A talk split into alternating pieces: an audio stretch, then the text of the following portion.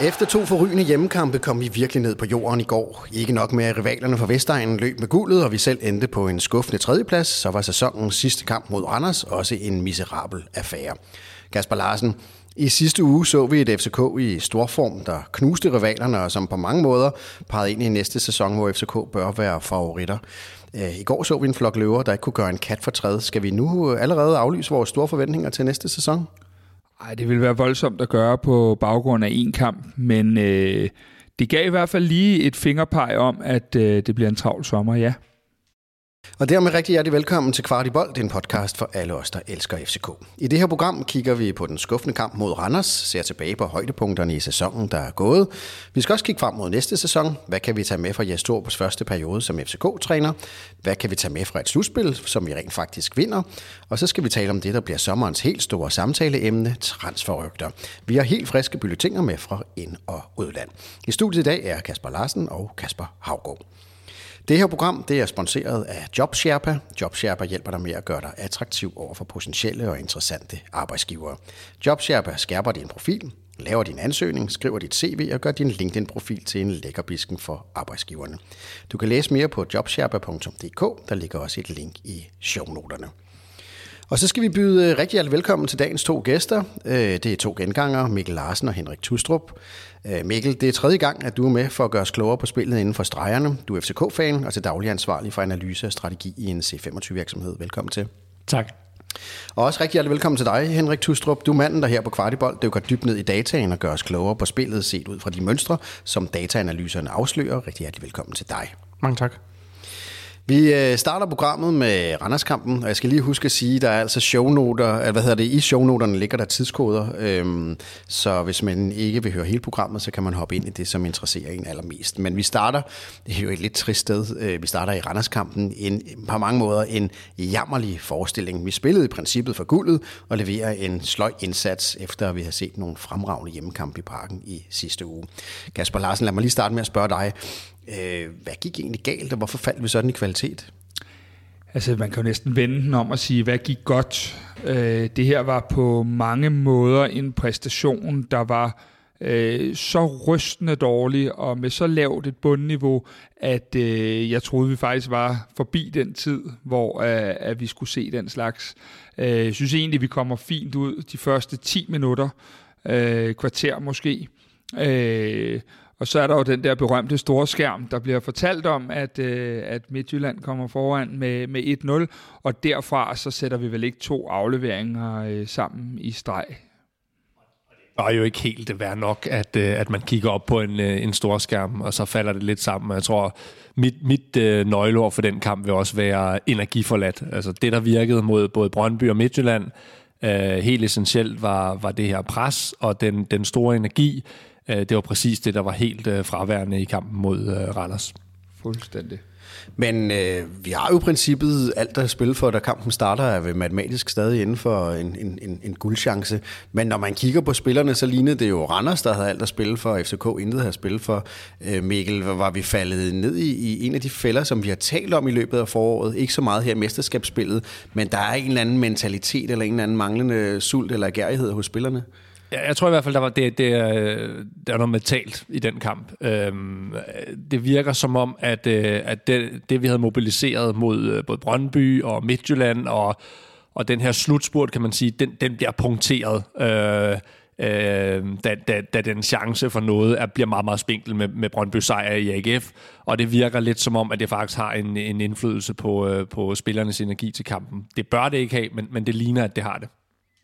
Men set sådan, hvis man lige kigger på det taktiske, øh, man kan sige, nu vi var begyndt at finde en, en, en formel, som i hvert fald virkede, og det gjorde vi både mod øh, Nordsjælland-kampen øh, for, for tre kampe siden, som vi, som vi desværre spillede uafgjort, men og så i særdeleshed både mod øh, Brøndby og, og, og FC Midtjylland. Så de ting, som, som virkelig fungerede der, hvad var det af det, der ikke fungerede i går, siden vi så den indsats? Øh, det var i aller, aller højeste grad presspillet. Øh, vores presspil i går er jo nærmest ikke eksisterende, øh, og når vores presspil er ikke eksisterende, så kommer vi til ret tit at se halvfjollet ud. Øh, vi bliver enormt nemme at, at producere chancer mod, når det er, at øh, det første og det andet pres slet ikke sidder. Og, og når du er energiforladt og skal være et preshold, øh, så er der simpelthen nogle modpoler der, der er så voldsomme, at, øh, at, at det, det kan simpelthen ikke, altså de, de to ting kan ikke forenes. Ja, hvis, hvis du kigger på de, de tre øh, sådan forreste i vores pres, sådan som det ligger i går, det er Jonas Vind, det er Vilcek, og det er Pep Biel. De, de er simpelthen for lette at spille sig forbi. Øh, så når Randers øh, relativt let spiller sig forbi de tre mand, jamen så er der jo, øh, så er der, om, om ikke frit spil, så er der i hvert fald øh, gode chancer for at, øh, at, øh, at, at komme frem til noget. Og det, øh, det bliver et problem i går. Vi øh, har jo talt lidt om øh, FCK og nogle af de spillere, vi har, blandt andet en som Sanka er en, en publikumspiller, en storkampspiller. Øh, og, og altså, øh, de to kampe, som vi havde inde i parken, hvor vi spillede virkelig godt, hvor vi jo havde de der næsten 11.000 øh, fans i, i ryggen, øh, er det det, der gør en forskel? Fordi vi har jo både set, da vi var i Midtjylland, hvor vi blev pillet for hinanden og ydmyget, og og at tage, tage ydmyget fra heden. Og i går også lidt, altså selvom det er et lille bit stadion, men der er en masse tilskuere, som ikke går, går vores retning. Øh, er det simpelthen fordi, at vi mangler et, øh, et fyldt parken for at kunne spille øh, med ild i øjnene? Altså, øh, hvis jeg siger ja, så er det, jo, det er jo en katastrofe, hvis jeg siger ja, men det gør jeg faktisk. Og jeg tror faktisk lidt, at hvis man, hvis man prøver at analysere en lille smule på det, Peter Christiansen han siger øh, efter kampen, så siger han jo også, de spillere, der bliver scoutet til, det kommende, til den kommende sæson, skal være spillere, der har øh, en helt anden øh, presence i alle kampene og til træning osv. Så, videre, så, videre. så jeg tror, at noget af det, vi har indset, det er, at vi har for mange af dem der, som vi med et smil på læben kalder big game players. Og det vil sige, at når, når vi skal også have spillere, der kan stå på en for at bruge Lars Jakobsens øh, ord, en regnfuld onsdag i Randers eller i Horsens, og, og, og simpelthen kunne hive sig selv op til noget. Vi må aldrig begynde at falde så dybt, som vi gør nu. Og så tror jeg, der er et element af det, vi også har set faktisk, hvis man går lidt længere tilbage. Heldigvis kun to år, da vi blev, øh, da vi blev mestre sidst. Øh, øh, det må gerne gentage sig næste år. Øh, men øh, at vi har problemer øh, når øh, tingene er blevet sikret. Øh, der så man også, at, øh, at FC København tabte øh, tre kampe i træk, og øh, selvom vi jo har noget at spille for i går, så synes jeg faktisk, det minder lidt om sådan en kamp, hvor man er blevet mestre, hvor man altså sådan mentalt er en lille smule fraværende, og at, øh, og at man, ikke, øh, man ikke spiller sig helt ud. Det, det mindede faktisk lidt om sådan en type kamp i går, synes jeg. Øh, det, det, det er fuldstændig rigtigt, og jeg tror også, at, øh, at, at det er et af parametrene, at vi er så højt at flyve onsdag, efter vi har lavet to fantastiske hjemmekampe. Øh, og så torsdag får vi et ordentligt skud ved, at, øh, at vi mere eller mindre er ude af de forskellige ting. Øh, og jeg tror, det var de færreste af os, der i går troede, at vi ville blive en anden nummer tre. Og det virker som om, at, at den tro, den havde spillerne helt på samme måde. Øh, og det gav den der sommerkampsfølelse. Øh, pudsigt nok havde Randers den så ikke. Nej, det kan man ikke sige. Øhm, de havde ikke noget at spille for, men øh, de spillede for, for pointene. Og det var jo faktisk øh, tredje sejr i den her sæson for Randers, øh, ud af fire mulige. Øhm, hvorfor skal det være så svært for FCK at spille mod Randers? Nu, nu, de, nu er de klaret så godt og vundet pokalen og alle mulige andre ting, og, og er det måske første gang, de kommer med i top 6. Men øh, det gamle FCK, som Lars Jakobsen talte om, som du refererede her, Kasper, det, de øh, kunne jo godt klare de der øh, kampe over i Jylland, selvom hvor vi spillede mod nogle, nogle, nogle bundehold. Men det moderne FCK, skal de have en fyldt parken og virkelig noget at spille for, for at kunne, kunne leve sig ud, Mikkel? Ja, det virker i hvert fald til, at Thomas Berg har et, øh, et meget godt sådan, taktisk overtag øh, lige, lige her og nu, i forhold til at kunne lure, hvilke ting, der vil gøre ondt på FC København. Øh, men man kan sige, at det er jo paradoxalt, at, øh, at vi i mesterskabsspillet her, og i virkeligheden i slutningen af sæsonen, har slået øh, AGF to gange, øh, Brøndby to gange, øh, Midtjylland en ud af to gange, øh, og det er i virkeligheden der, vi henter de fleste point. Og så er det jo mod, øh, hvis man kigger på hele foråret, det er mod FC Nordsjælland, det er mod Randers, det er mod Lyngby, øh, at, øh, at, at pointene ikke er kommet ind. Men så kigger vi måske faktisk ind i noget, der ikke tegner specielt godt for næste sæson, fordi vi har jo siddet her og blevet beruset af, af, af det spil, vi har set i mesterskabsspillet. Vi har talt meget om, at øh, det peger frem mod en sæson, hvor vi måske godt øh, kan, naturligt kan kalde os øh, første favoritter til at, at, at vinde guldet. Vi er det bedste hold i Danmark lige nu, PT, øh, når man kigger på, på formen. Men øh, sådan gennem hele Superliga-sæson, der skal vi jo møde mange Randers og Nordsjælland og, og, og hvad der ellers måtte være af middelmåde i hold.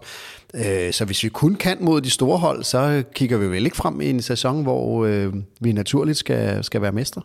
Nej, øh, og ja, altså øh, det jeg har det med, det er, at hvis vi skal prøve at vende det, der skete i går til noget positivt, og guderne skal vide, at det ikke er nemt, øh, så er det, at vi Øh, ikke fordi jeg tror, vores ledelse øh, med, med Peter øh, Christiansen i, i spidsen ikke er klar over det, men måske var det faktisk ret fint oven på de to præstationer, hvor vi har været helt i himlen, at vi lige får set, at den bund, der er i holdet, stadigvæk er øh, på, på et rystende niveau, sådan så at vi stadig fastholder, at der faktisk er nogle ting galt, og ikke lader sovse ind i, at, at her går det godt kun. Øh, de ting, øh, synes jeg i højeste grad er vigtige. Vi skal lige prøve at trække et par læringspunkter ud af den kamp for i går. Øhm, og Kasper, jeg ved, at du på din blog har skrevet øh, Peter Ankersen. Øh, han har måske ikke holdt det niveau, vi kender ham helt til, det her, i faktisk over et, et stykke tid. Hvordan ser du Peter Ankersens øh, præstation både i går og, i, den, og de seneste par kampe? Altså i går var, var ligesom resten af holdet langt, langt, langt under det niveau, vi ved, at Peter har. Øh, jeg synes, at han har haft nogle meget svingende præstationer her i foråret, og jeg synes, at det er ret tit, at hans øh, indlægsfod ikke rammer en, øh, en, en, en, en hvid trøje inde på midten. Når det er sagt, så ved jeg også, at han har kæmpet med først den alvorlige skade, han fik i Aalborg, så har han kæmpet med flere småting, og han har ikke haft, når jeg har været på tieren, har han ikke haft voldsomt mange øh, fuldendte træningsuger.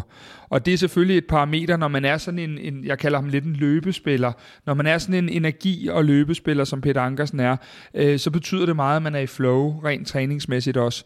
Men når det så er sagt, øh, nu går der over for lyden på, uden at vi skal tage fat i transfertingene, at øh, Carlo Bartolacci er fortid i FC København, og der ser jeg det helt sikkert, at det kunne være fint, at der kommer en spiller ind og, og også presser Ankersen, fordi han har måske også lidt af den der big player, øh, big games mentalitet øh, til tider, og der tror jeg, det vil være rigtig sundt, at der kommer en reel konkurrence, for det føler jeg faktisk ikke, der reelt har været, for når Ankersen har været klar, har han også spillet.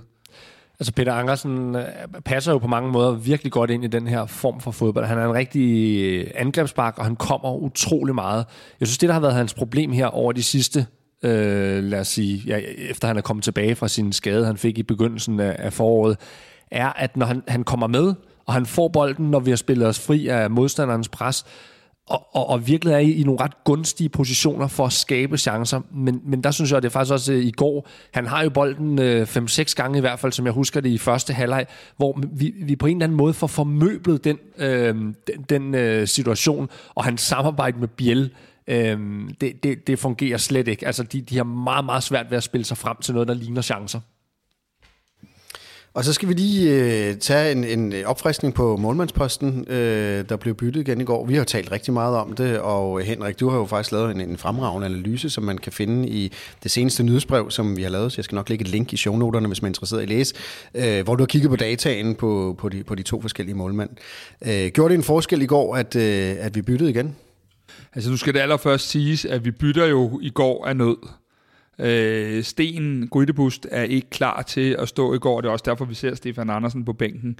Øh, man kan jo sige, at det er lidt paradoxalt, men Kalle Jonsson er vel tror jeg, vi hurtigt kan sige, øh, dybest set vores man of the match. Måske ikke øh, med verdens mest prangende præstation, men, men i mangel af bedre. Så øh, om det, ja, jo, vi lukker mål ind igen og så videre. Kalle kan vel ikke gøre det helt store ved det.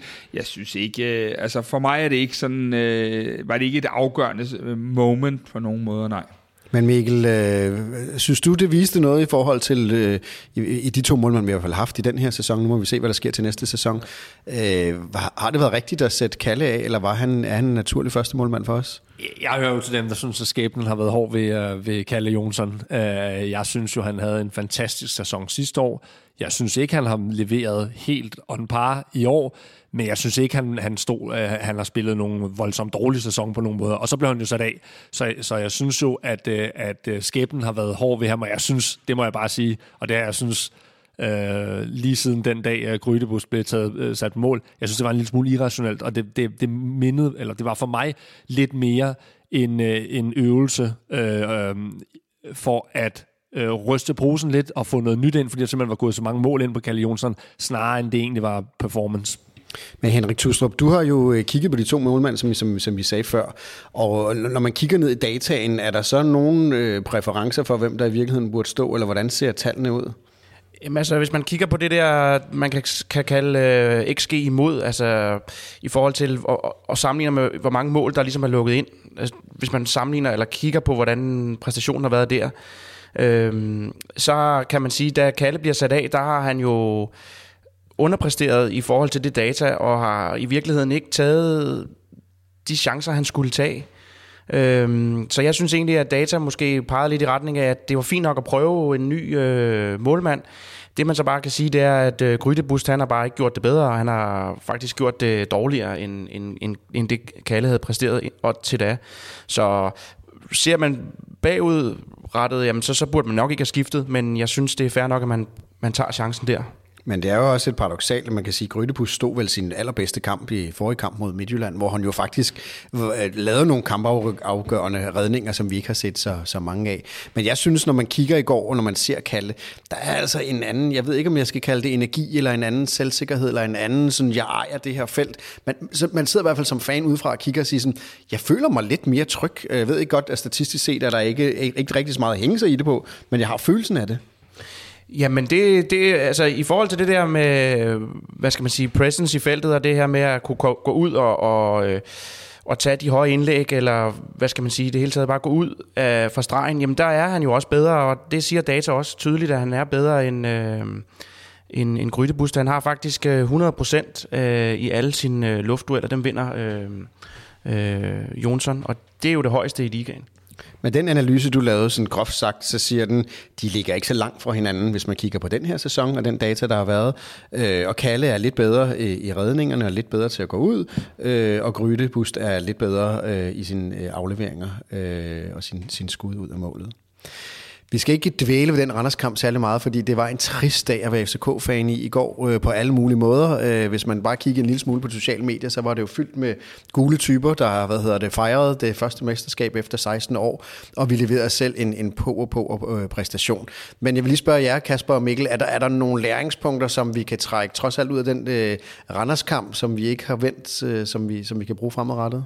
Altså for, for mig er det helt sikkert, at det der med, at, at hvis vi kommer og ikke matcher modstanderens energi, øh, og modstanderens øh, entusiasme og leverer de kilometer og det presspil, der skal til, jamen øh, så er vi ikke et bedre fodboldhold end de andre hold i Superligaen, og så er vores individualister ikke sat i så meget i scene og i spil, som de har været de to sidste kampe, og derved øh, så, så bliver vi lynhurtigt i går et, et relativt ordinært hold. Så presspillet og intensiteten vil blive helt afgørende også næste, næste sæson, at det er der hver eneste gang, fordi øh, øh, man, man kan ikke gøre, som man har gjort førhen, hvor man har måske kunne stille sig lidt længere tilbage og, og øh, kan du sige, lukrere lidt på nogle andre ting, øh, og, øh, og sådan populært sagt, øh, holde lidt en, en pause, kan du sige. Det, det kan man ikke med den her type spillestil, og det gør, at man skal være der hver gang, og intensiteten skal være høj. Så det, det synes jeg var en, øh, en reminder øh, omkring det.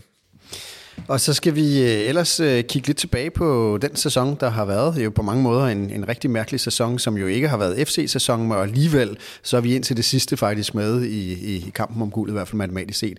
Øh, så lad os prøve at kigge lidt på den sæson, der har været. Og Henrik, jeg ved, du har trukket en masse data, hvor vi kan kigge lidt på den performance, som Jes har i, i forhold til, hvordan Ståle har performet. Men inden øh, vi lige dykker ned i det, så vil jeg egentlig spørge jer alle sammen. Fordi man sige, det største begivenhed, der vil have været den her sæson, det var, at FCK tog det modige valg, og de fyrede Ståle, og de ansatte Yes.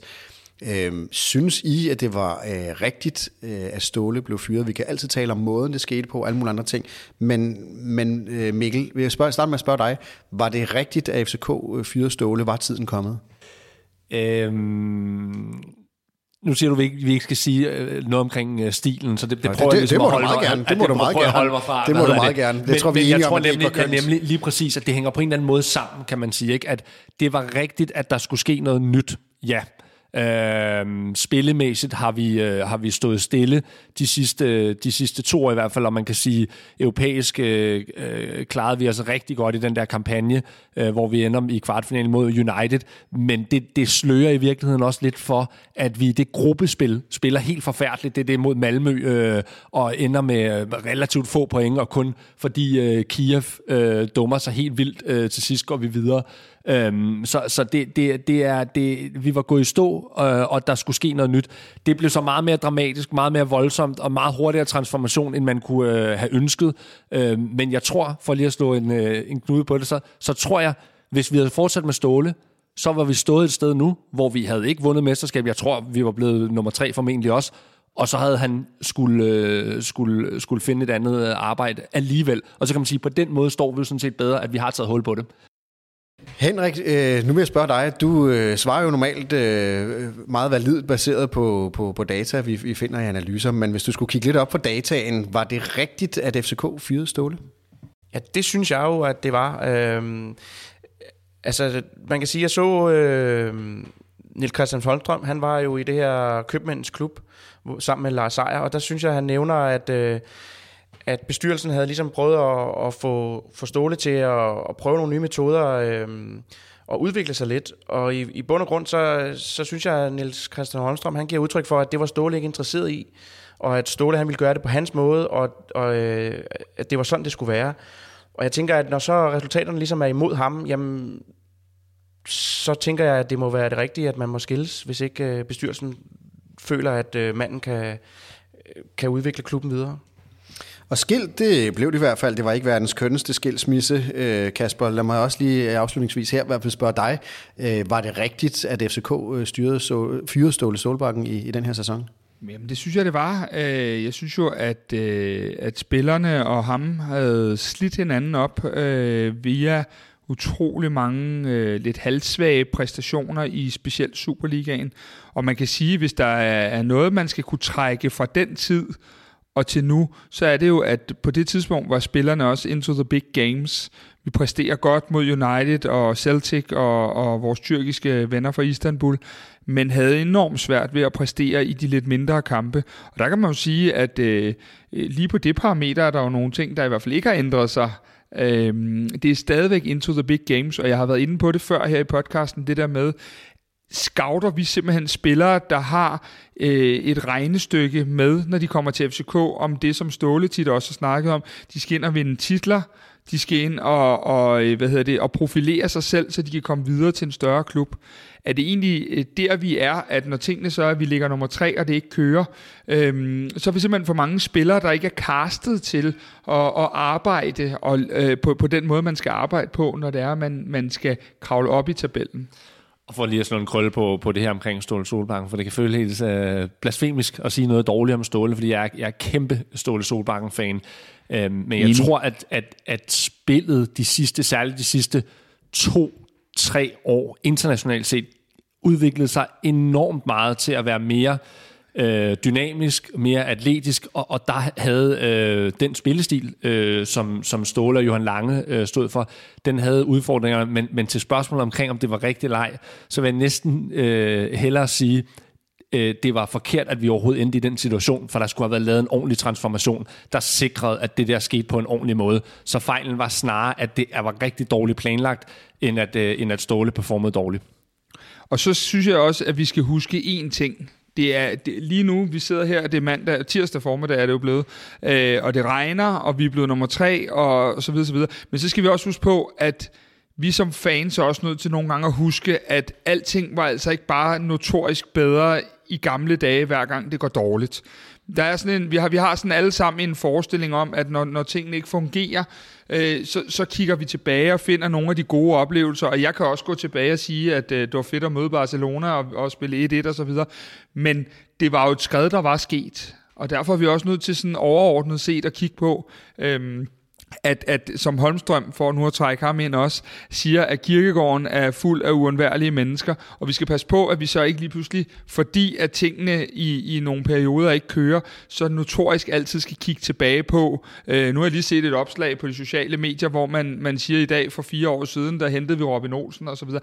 Jamen lad os nu lige prøve også at blive lidt i nuet, og ikke altid tænke på, at det var bedre dengang, for ja, der var nogle højdepunkter, men der var sandelig også nogle lavpunkter, og lavpunkterne var blevet flere og flere. Og øh, med de ord, så skal vi kigge på den sæson, der netop er gået, som jo har været en lidt mærkelig sæson, og der har været højdepunkter, og der har også været masser af lavpunkter. Og Henrik, øh, du er dykket lidt ned i dataen øh, og kigget på, på, på nogle af de ting, som, som har været kendetegnende for sæsonen. Man kan sige, en ting er jo, at der har været to forskellige øh, øh trænere, øh, men hvad er det, du, du ser, når du kigger på data for den sæson, der er gået?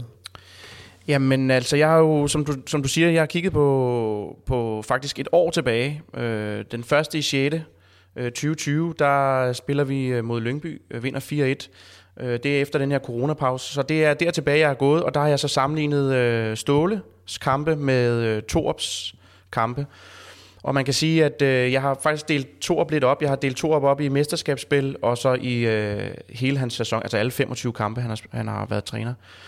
Og man kan sige, at i forhold til XG, jamen der er det faktisk sådan, at vi under Torps øh, 25 kampe og i mesterskabsspillet, jamen der skaber vi flere eller større sandsynlighed for, øh, for at, at lave mål.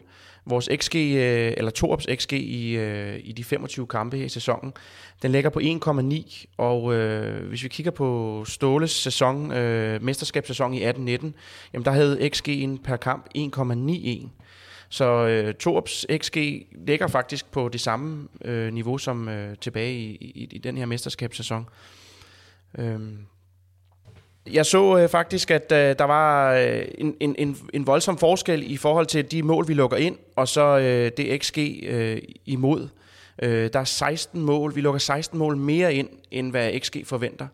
Og der, der kan man måske snakke lidt om, er det, er det så fordi, vi er, er uheldige, eller har vi et, øh, et, et dårligere forsvar, der, eller en et dårligere målmandspræstationer, jamen altså, hvad der lige præcis er årsagen, det er ikke til at måske pege 100% på. Men i hvert fald lukker vi væsentligt flere mål ind under Torp, end vi har gjort øh, under Ståle. Så konklusionen her, hvis du kigger på, på det sidste tid, øh, som Ståle havde, øh, og så kigger på den tid, jeg Torp har her, det er, at vi kreerer lige mange chancer eller de kreerer, deres hold kreerer lige mange chancer, men der bliver øh, skabt flere chancer øh, mod os. Og det, øh, Mikkel, er vel egentlig også det, vi har set på banen lidt, at man kan sige, de spiller jo også to øh, forskellige former for fodbold, øhm, øh, øh, og, og det har vel også været en af de store kildeshæle for, for Jes Torps øh, hold i den sæson, der er gået. Ja, helt afgjort. Altså, øh, der, der er lidt to sandheder i det her med, hvor, hvor, hvor mange mål vi har lukket ind. Øh, dels har vi jo indiskutabelt lukket for mange mål ind, øh, men, men der er noget omkring, at øh, modstanderen har scoret øh, flere mål, end sandsynligheden taler for.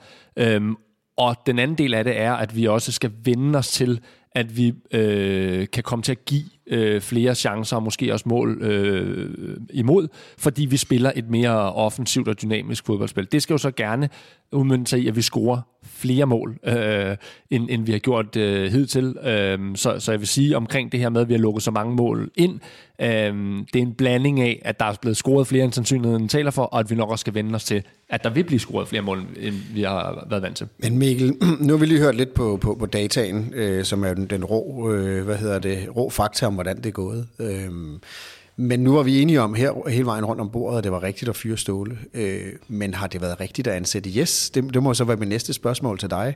Øh, er han den rigtige træner for FC København, og, og det du har set så so far, øh, er det noget, der peger ind i, i, i, at noget kan blive rigtig godt? Ja, det er det store spørgsmål, uh, og det tror jeg faktisk ikke rigtigt, man kan svare på endnu. Um, men jeg tror, det har været vigtigt at, uh, at få fordelt uh, ansvar og kompetence ud på nogle flere mennesker. Så man kan sige, en af de gode ting, som jeg har været glad for, er at man har ansat nogle, nogle meget dygtige i staben, og, uh, og man har to uh, altså nærmest overkvalificerede uh, assistenttræner, øhm, og det gør, at man har en øh, mere, kan du sige, diversitet, og man kan, man kan, man kan træffe nogle, nogle, øh, nogle beslutninger, som ikke bare er, er baseret på, på en, mands, øh, en mands værk. Øh, så så den, den del er jeg, er jeg begejstret for. Om Jes Torup lige præcis er den rigtige, puha, det synes jeg er svært at sige. Øh, jeg, jeg synes, vi skal løfte os mere, end jeg har set i den her sæson, for at, øh, for at jeg kan svare ja på det spørgsmål. Men hvis vi skal trække nogle af de positive ting ud fra den sæson, der er gået, øh, som Jes Torber har kreeret, der, der er jo være sådan to højdepunkter for mig. Der er øh, slutningen af efteråret, øh, hvor vi faktisk får sat nogle gode kampe sammen, øh, lige bortset fra den sidste kamp, hvor, hvor vi ikke øh, kan gøre det færdigt mod OB. Og så selvfølgelig det mesterskabsspil, og vi, vi kommer lige tilbage til mesterskabsspillet, øh, Henrik, for jeg ved, du også har noget data på det.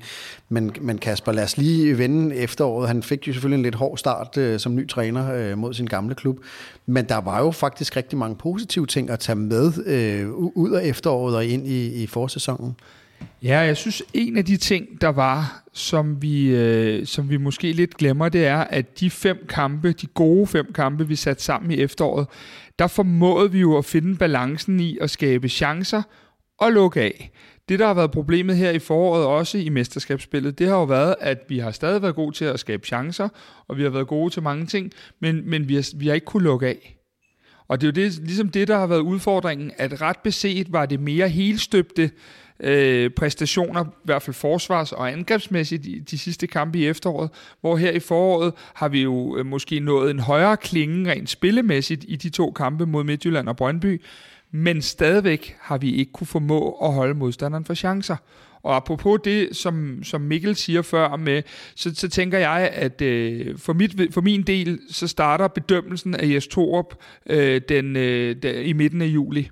Øh, når, vi, når vi starter igen. Fordi man må formode, at de øh, får designet det hold nu, som de ønsker, med de typer, de ønsker, øh, til de positioner, der ønsker, de ønsker, og jeg har jo stadig den, der siger, at jeg synes også, at spillerne bærer et kæmpe ansvar, fordi det er nu den anden træner, at de ikke kan, kan hvad hedder det, helt sætte sig op til, de, til, til alle kampene. Så der er også noget i spillertruppen, som ikke er, hvor det skal være. Og derfor tænker jeg, at hvis vi får lavet den, nogen kalder det en udrensning, og får nogle typer ind, som, som øh, måske har en lidt anden mentalitet, så er det der, vi skal begynde at, at bedømme Tors øh, arbejde. Men jeg er, jeg, jeg er meget på linje med Mikkel i forhold til, at vi ikke har rykket os nok øh, endnu. Men samtidig bliver jeg også bare nødt til at sige, det er heller ikke med de spillere, som, som vores træner har valgt, og det skal med i begrundelsen.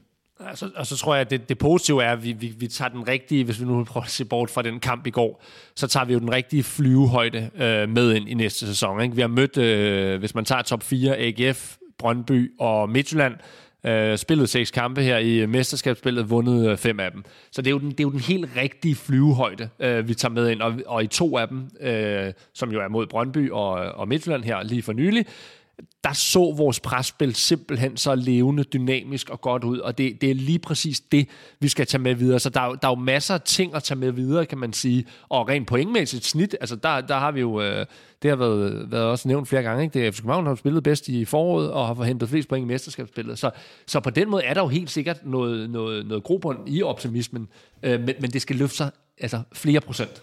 Men Henrik, lad os lige prøve at kigge på, fordi øh, som du siger Mikkel, øh, det har jo faktisk været et godt år, øh, 2021, øh, både sådan overordnet set, men jo også i, i mesterskabsspillet. Hvad, hvad siger dataen om, om det, øh, det, vi har set her i, i det her år?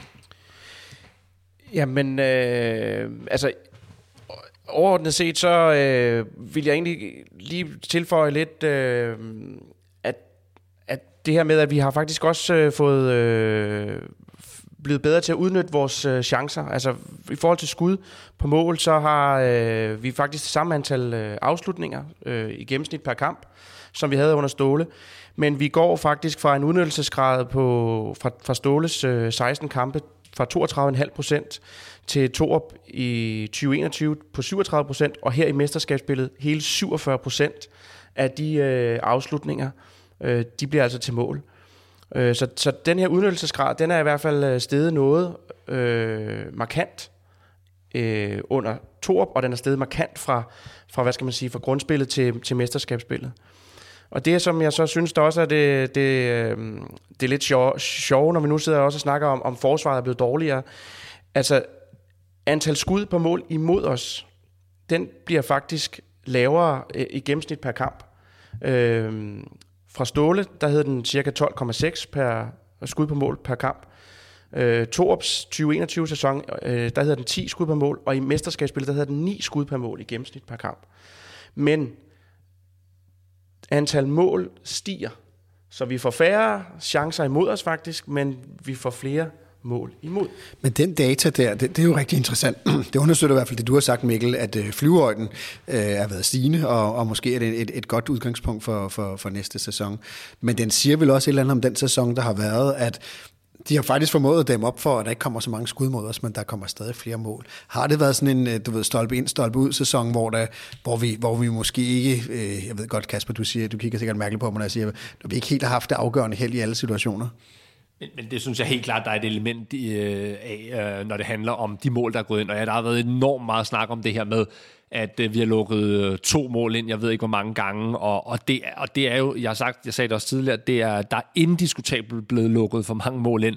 Men der er jo også kampe, hvor man nærmest har siddet og troet, at det var løgn for de vinkler, øh, der, er blevet, øh, der er blevet scoret, og, øh, og med få øh, chancer. Jeg husker også en kamp mod at det Vejle på hjemmebane, hvor de scorer, øh, hvor vi, de, de er holdt væk fra alt, og så scorer de til, til 1-1 i den eneste tænkelige vinkel, der overhovedet kan, så rammer den Victor Nilsons øh, ben og går ind øh, bag ved Kalle Jonsson. Så de der typer mål, og vi har, og der er mange, øh, vi har haft utrolig mange mål, der er gået ind uden for feltet, øh, så, så der er også et element af, at, øh, at sandsynligheden har talt for, når man kigger på XG imod, at der skulle have scoret færre mål på os.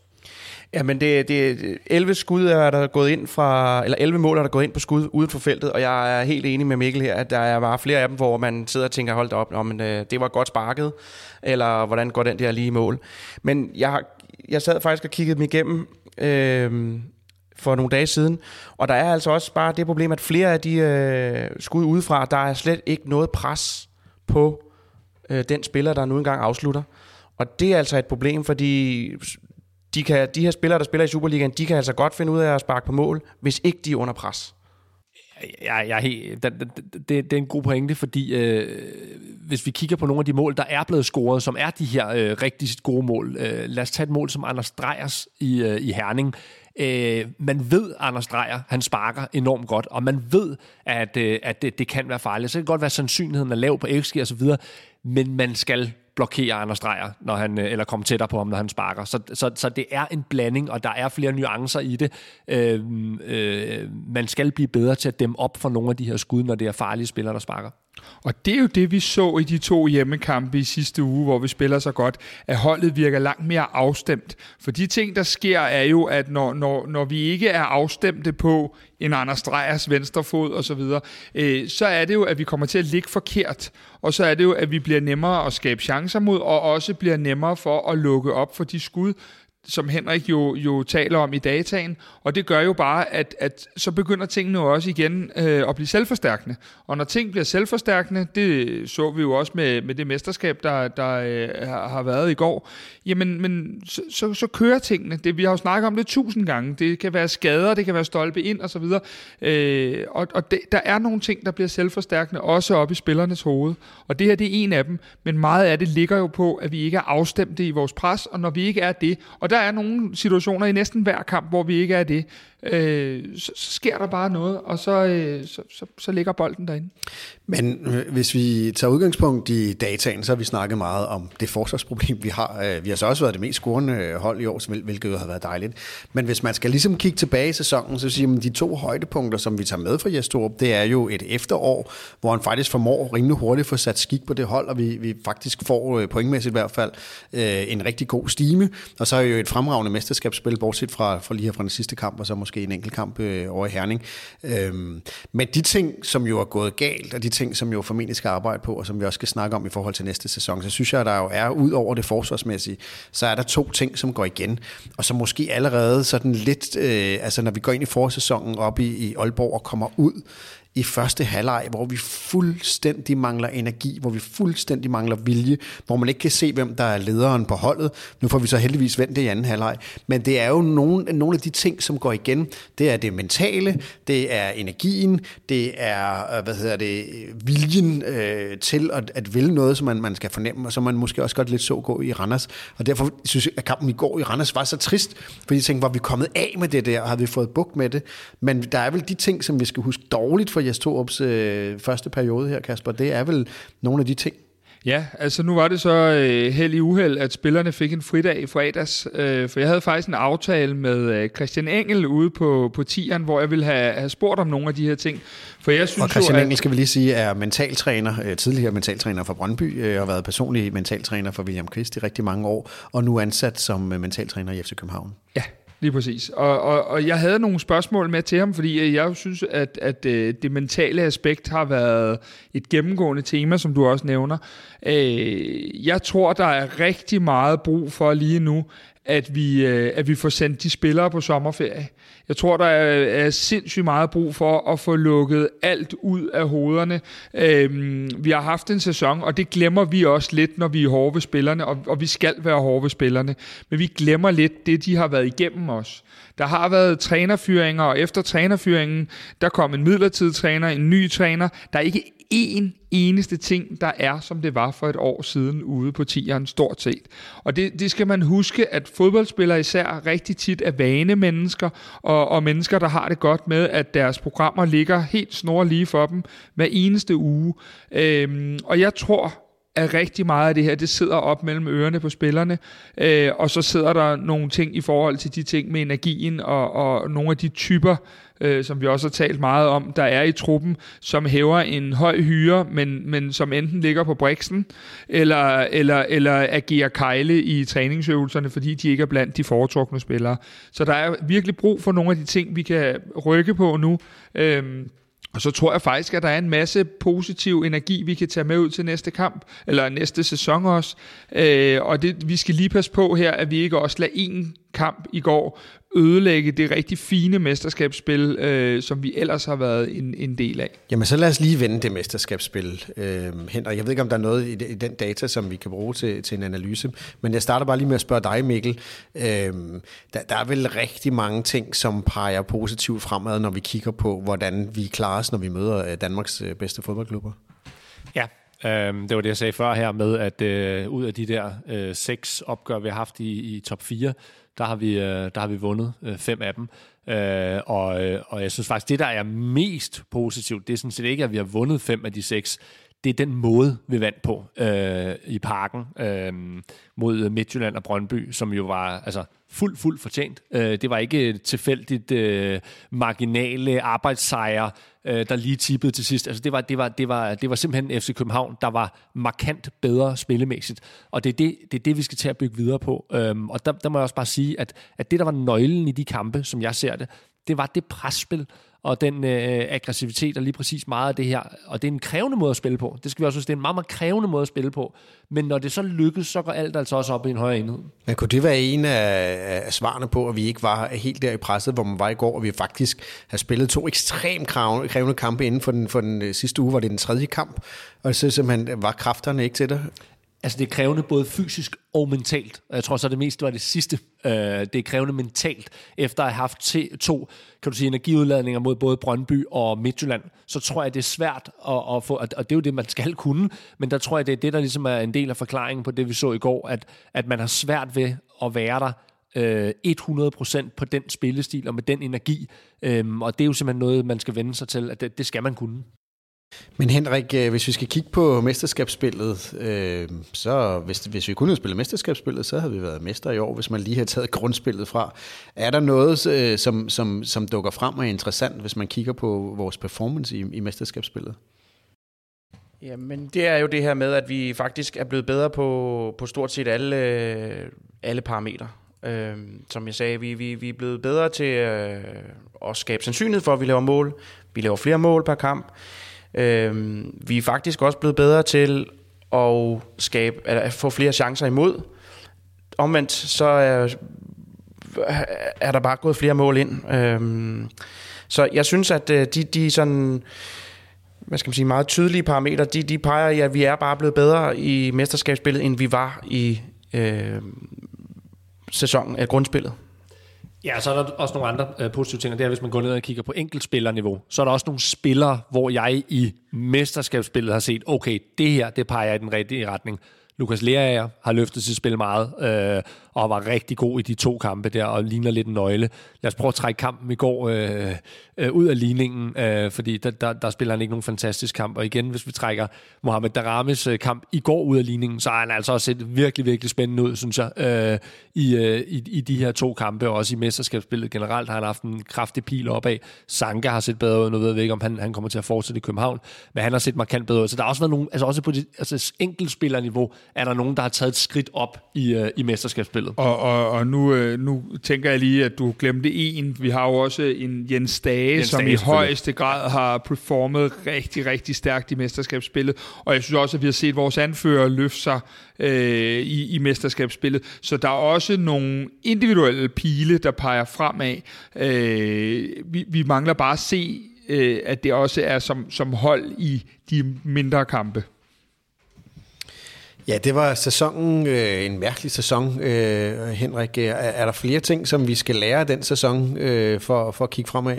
Ja, altså, øh, man kan sige, at nu har vi snakket lidt om det her med, med mål og øh, chancer imod, øh, som er, som, som er forholdsvis tydeligt at se. Altså, jeg har også prøvet at kigge lidt mere på, hvordan spillestilen har ændret sig, og Mikkel var lidt inde på det her med, med presset også. Øhm, og der kan man sige, at øh, man kan måle på, hvor, hvor højt og aggressivt... Øh, et hold går, går i pres på, på, øh, på modstanderen. Og der kan man sige, hvis man kigger gennemsnit per kamp, så ligger vi ikke øh, højere der, end vi gjorde under Ståle, sådan generelt. Men, men over en hel kamp, så flader de her tal sig jo også lidt ud. Øhm, men hvis man kigger på enkelte perioder, altså hvis man deler dem op i 15 minutters perioder, så har vi væsentligt flere øh, perioder under Ståle, nej, under, under Torup, øh, hvor vi lægger med et højt pres, højere pres, end vi har set under Ståle. Dem er der altså flere øh, perioder af øh, under Torp. Og det, øh, og det gør sig gældende øh, særligt her under mesterskabsspillet også. Øh, og så er det det her med hastigheden. Hvor mange afleveringer øh, laver vi øh, per minut? Det kan man også måle. Og der er også igen over gennemsnit over, kamp, over hele kampe, der ligger vi nogenlunde på det samme niveau som under, under, under Ståle.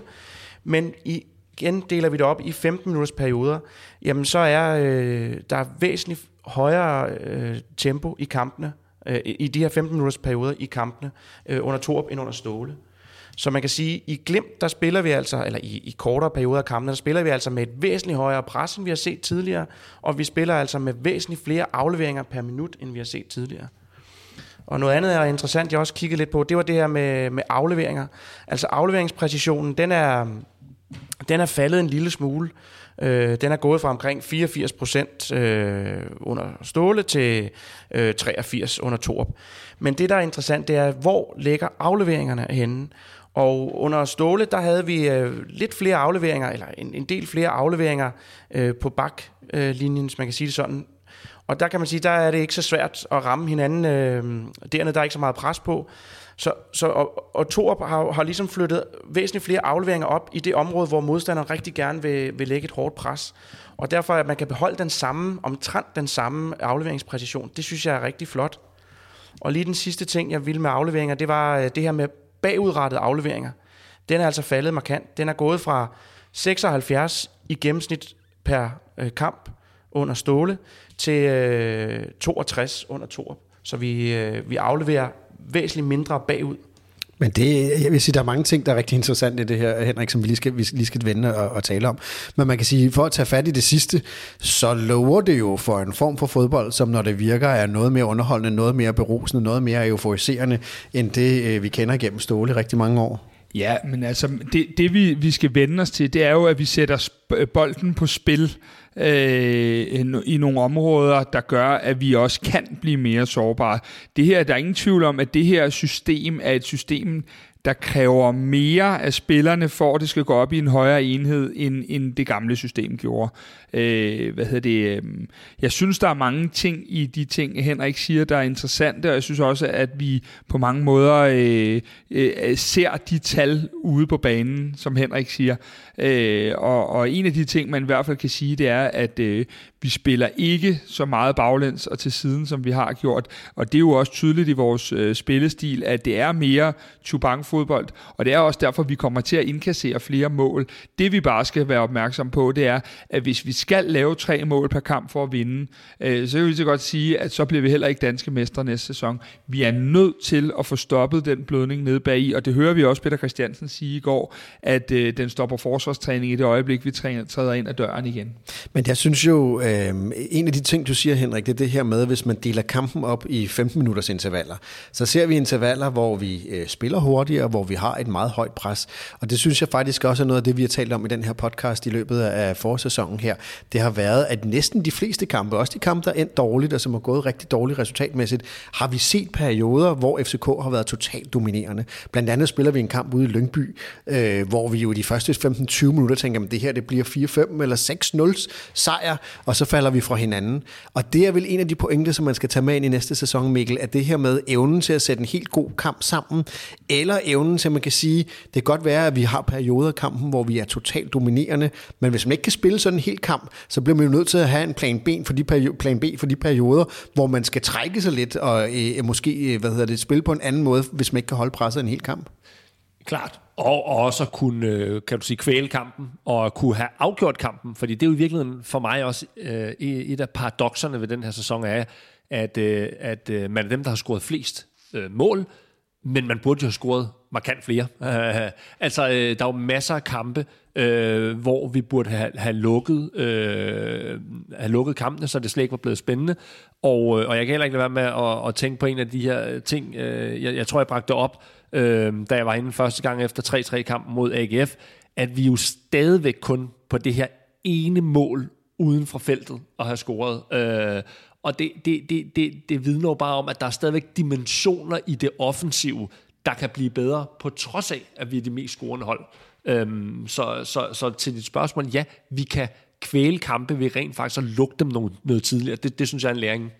Hvis vi lige skal pege fremad mod næste sæson på baggrund af det, vi har lært i den her sæson, så sådan det helt korte spørgsmål, øh, og det bliver jo sådan set til alle tre, det er, hvad hedder det, hvor store er FCK chancer for at vinde guld næste år på baggrund af alt det gode og alt det dårlige, vi har set i den sæson, der lige er overstået. Og nu ved vi jo ikke, øh, vi, vi kender jo selvfølgelig ikke øh, summen af, hvad der kommer til at ske i løbet af sommeren. Hvem forsvinder, hvem kommer ind, hvad kommer der til at ske, hvor mange spillere er trætte efter at have været ude i en EM-kvalifikation, eller i en EM-turnering. Men bare sådan lige helt kort, Kasper. Yeah. Hvor mange procent chancer vil du sætte på, at FCK er mester, når vi sidder her med et år? Jeg synes, inden jeg skal sige en procentsats, så synes jeg, der er utrolig mange ukendte parametre.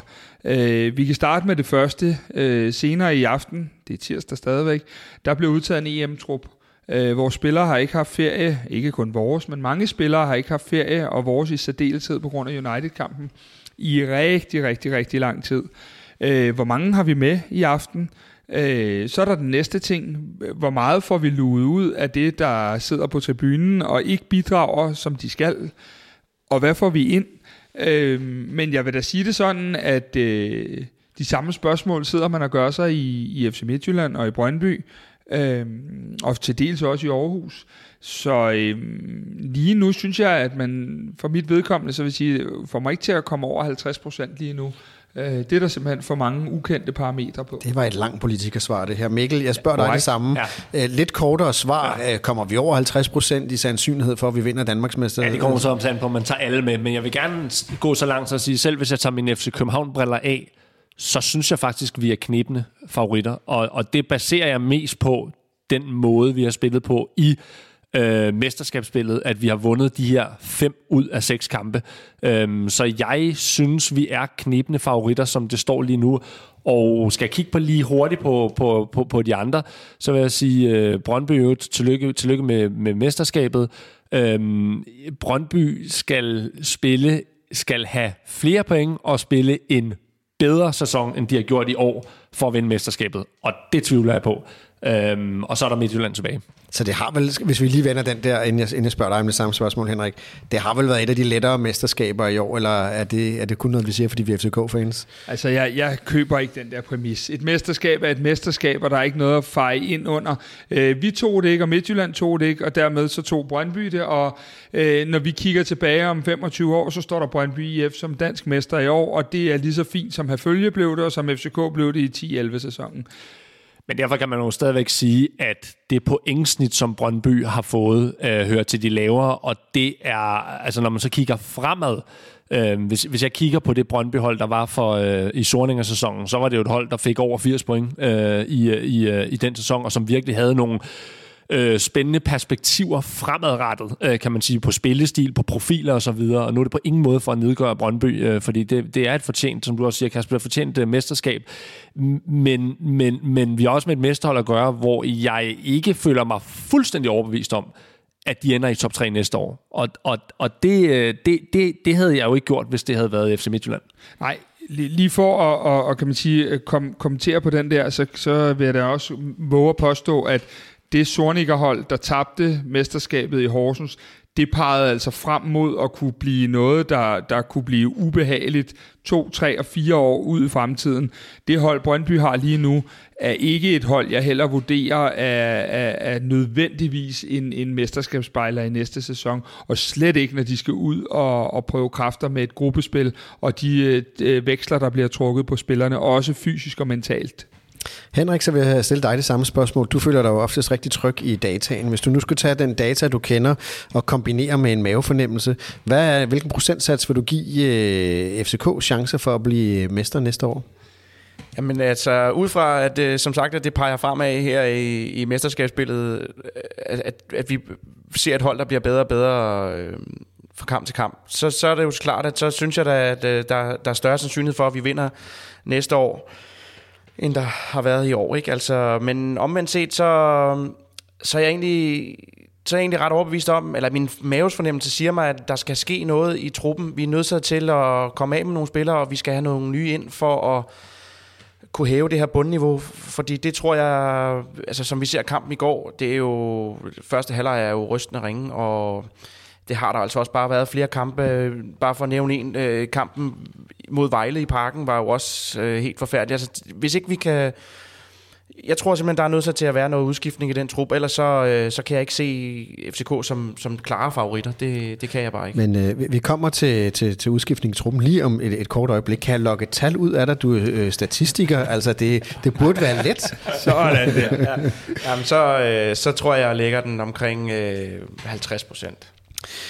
Godt, jamen vi har øh, til to ud af, tre paneldeltagere, der ligger på 50 procent, og så har vi en, som øh, måske lidt overmodet, jeg lukket ud i, i, i en fældmikkel, men som ligger øh, lidt højere. Øhm, det er i hvert fald et, et afsæt, og så skal lad os tale om, hvad det, hvad det kræver. Øh, hvad er det for et arbejde, som øh, PC og Jes Torup står overfor i den her sommer, for at vi skal kunne komme op på henholdsvis øh, 50 procent eller, eller en lille smule over. Og Kasper, sådan helt indledende, hvad, hvad skal der til? Hvad skal der ske nu i den her sommer? Hvad er det, PC skal i gang med? Altså, først og fremmest, så tror jeg på PC's vegne, jeg er glad for, at han fik de fem måneder hjemme med, med konen og børnene, for jeg tror ikke, han kommer til at se meget til dem i den her sommer. Øh, man kan sige, øh, nærmest as we speak, så har vi smidt øh, Mustafa Bundo tilbage til, til Anderlecht. Vi har øh, ikke forlænget vores aftale med Nikolaj Thomsen, der har haft sin sidste arbejdsdag, og, og, og som alle de berømte vandrør, de fortæller, jamen øh, så er det kun starten, vi har set. Øhm, jeg tror at godt, at vi kan komme ud i, at der er 5, 6, 7 yderligere, der ryger. Øh, og så vil folk sige, at det er voldsomt. Ja, men vi skal også huske, at vi har nogle udlejede spillere, og det er jo et af de steder, vi starter. Øh, jeg tror simpelthen, at man kigger rigtig meget på nu, hvem er det, der har de 12 km i benene, med et glimt i øjet sagt, øh, og hvem er det, der har mentaliteten på den berømte regnværsdag i Horsens. Øh, fordi vi, vi, vi er simpelthen kommet dertil, hvor vi kan ikke bruge de enorme summer af lønkroner på spillere, som nu enten kun øh, ligger på massagebriksen, eller spiller en perifær rolle som to Kejler også ville kunne have spillet ude på træningsbanen. Så vi skal kigge efter nogle typer, der kan løbe langt, som er dygtige i presspillet, og som måske også kan tilføre en lille smule mere fart, øh, end vi har set. Det er helt sikkert nogle parametre, og jeg vil næsten væde på, at vi kommer til at se nogle spillere, som ingen her rundt om bordet øh, nødvendigvis har hørt om før. Jeg tror, vi går lidt væk fra de der øh, ting med at hente en Jakob Brun Larsen og, og, og andre kendinge, men at vi simpelthen øh, kommer til at se nogle spillere nu, øh, som, som ikke er kendt i den brede almene befolkning. Jeg tror, at øh, Peter Christiansen har nogle helt klare steder, han kigger, og at, øh, at vi får nogle spillere at se, vi, vi ikke kender. Mikkel Larsen, hvis du var øh, sportsdirektør i FC København, hvad er det så, øh, hvad vil du så gøre i den her sommer? Hvad er det, der skal ske for, at vi tager de procenter, vi har snakket om nu for et potentielt mesterskab næste år? Hvis de skal en, en lille smule højere op, hvad skal der så ske i den her sommer? Jamen, det er jo lidt et puslespil i forhold til det her med ind og ud. Jeg tror, i forhold til uddelen, øh, som Kasper også lige øh, berører her, så tror jeg i virkeligheden, mange af dem i godsøjne giver lidt sig selv. Altså mange af de her, vi snakker om nu, øh, Bundo, øh, Nikolaj Thomsen, øh, Bjelland, Oviedo, Bengtsson, øh, øh Bartolets for den sags skyld. Det er jo spillere, der ikke har spillet en reel rolle i den her sæson, og derfor giver de lidt sig selv, og man skal gøre, hvad man kan for ligesom at skille sig af med dem. Så ligger der så nogle større spørgsmålstegn omkring sådan nogen som øh, Jonas Vind, Øh, kommer der de der over 100 millioner, så tror jeg, vi fyrer ham af, men, men det er langt fra sikkert. Der er Nielsen, øh, der også kan ryge, ryge afsted. Og så er der jo sådan nogle spillere som Victor Fischer. Hvad, hvad, hvad gør vi der? Jeg synes jo virkelig, det er mere interessant at kigge på der, fordi han er ikke så oplagt på den måde. At det er en, man forsøger at gøre et eller andet med her. Øhm, så det er uddelen, og på inddelen... Øh, der, øh, der tror jeg, som, der, som, øh, som du også siger, Kasper, jeg, jeg tror faktisk ikke, vi, vi kender nogen af de, de spillere, vi kommer til at hente ind. Øh, jeg tror også, det bliver, det, bliver, det bliver uden for Danmark, uden for Skandinavien, og så tror jeg, at det kendetegnet ved dem, det er, det er, altså, det er dynamik, fart, øh, aggressivitet, og forhåbentlig øh, vil der også være en eller to af dem, der kan skyde på mål udefra. Øh, vi har jo talt om øh, Andrea, en Andreas Cornelius øh, i en tidligere transferspecial, som trods alt er et par måneder gammel, og der er sket meget øh, siden da. Øh, det som I både, øh, Kasper her, både dig og Mikkel siger her, det er, at vi kommer ikke til at kende særlig mange af dem, og det bliver en, en anden type øh, spiller, vi går efter. Betyder det, at øh, det ikke er så oplagt mere med Andreas Cornelius i FC København efter sommerferien? Jeg synes, at øh, Mikkel er inde på noget omkring øh, Jonas Vind. Øh, så, så, så jeg kan ikke svare ja eller nej, før jeg ved, om, om Jonas Vind øh, bliver der. Øh, jeg kunne sagtens se Andreas Cornelius i, i et FCK-system med Vind bag i sig øh, i, i en eller anden form for rolle, fordi Andreas Cornelius er en rigtig dygtig presspiller, og han er noget af en mundfuld for et forsvar, så jeg vil ikke udelukke det. Øh, jeg tror så ikke, det er her og nu. Jeg tror, at Andreas Cornelius tager sin øh, tur ned til Trapsonsborg, øh, og så, så, så tror jeg, at vi måske får ham at se på et andet tidspunkt. Skal vi prøve at vende nogle af de navne, som på rygteplan i hvert fald øh, har været oppe som, som tilgang, og så kan vi jo tale om, om det vil, om det vil klæde et, et, et FC København. Lad os starte med Nikolaj Jørgensen, øh, tidligere FCK-kending, øh, har været i Holland et par år øh, med noget svingende kvalitet, og også noget svingende i, i, sin, øh, i sin fysiske formåen i forhold til, hvad, om han har været skadet eller ikke været skadet. Hvad siger du, Kasper? Øh, Nikolaj Jørgensen tilbage i FC København, godt eller dårligt? Nikolaj Jørgensen er for mig alt det, vi har siddet og talt om den sidste time stensikkert, lækkert, mega godt topniveau, men kan ikke spille på en våd bane i Horsens en onsdag. Der er to Nikolaj Jørgensner.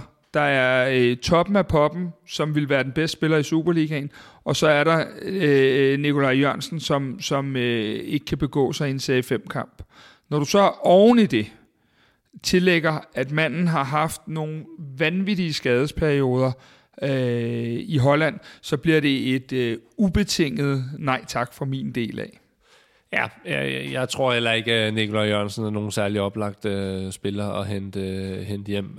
Um, det havde en ung Nikolaj Jørgensen måske været, men, men han har været notorisk skadet.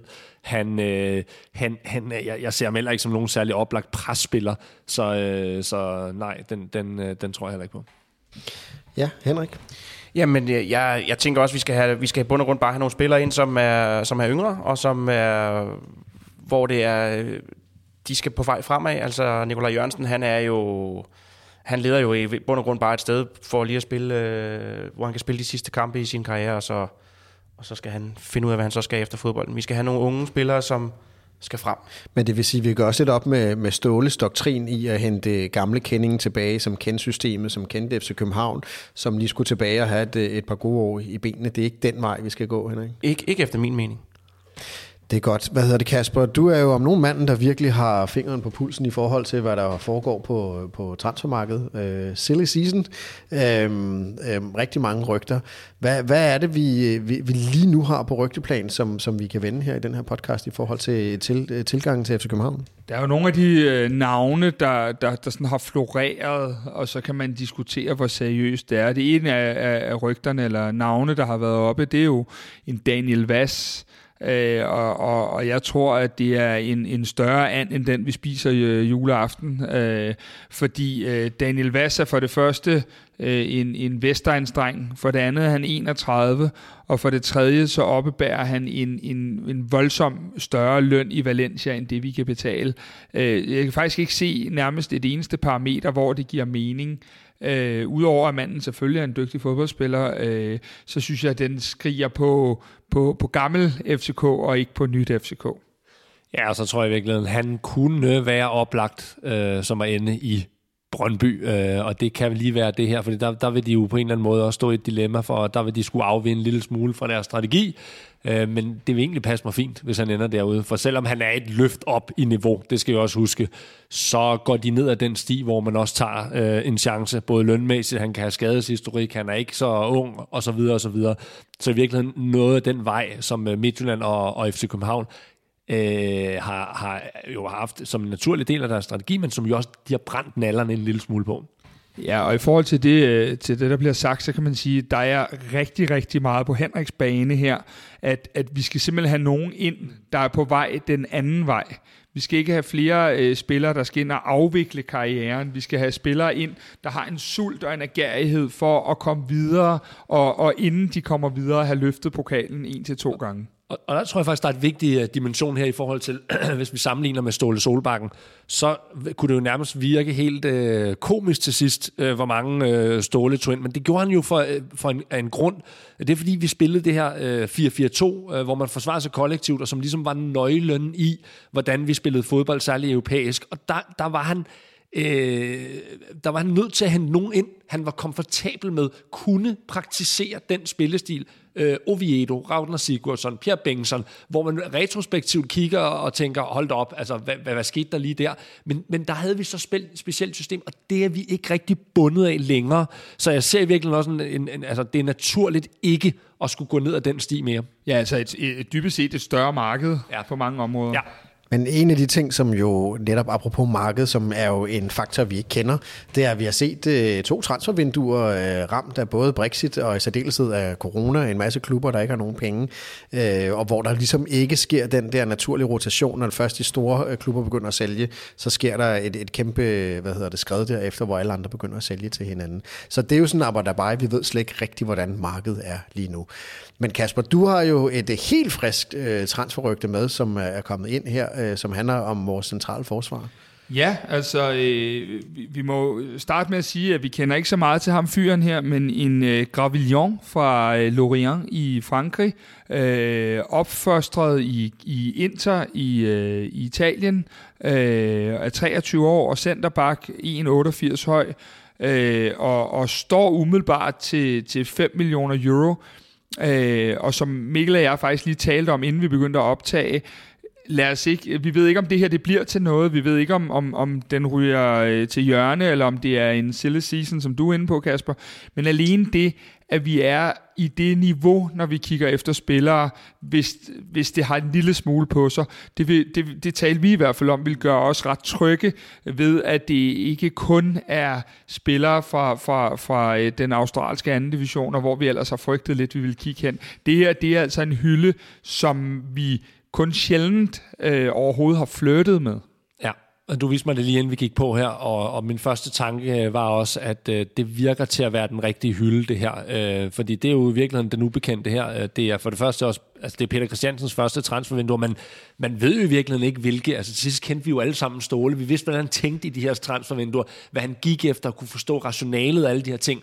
Der står vi jo fuldstændig, det, det er jo helt nyt det her, og der er det jo bare, øh, ja, der virker det jo bare til her, at hvis det har noget på sig, så er det en øh, tilpas høj hylde til, jeg tror, at, øh, at, at, at, det er, ja, at det er det rigtige.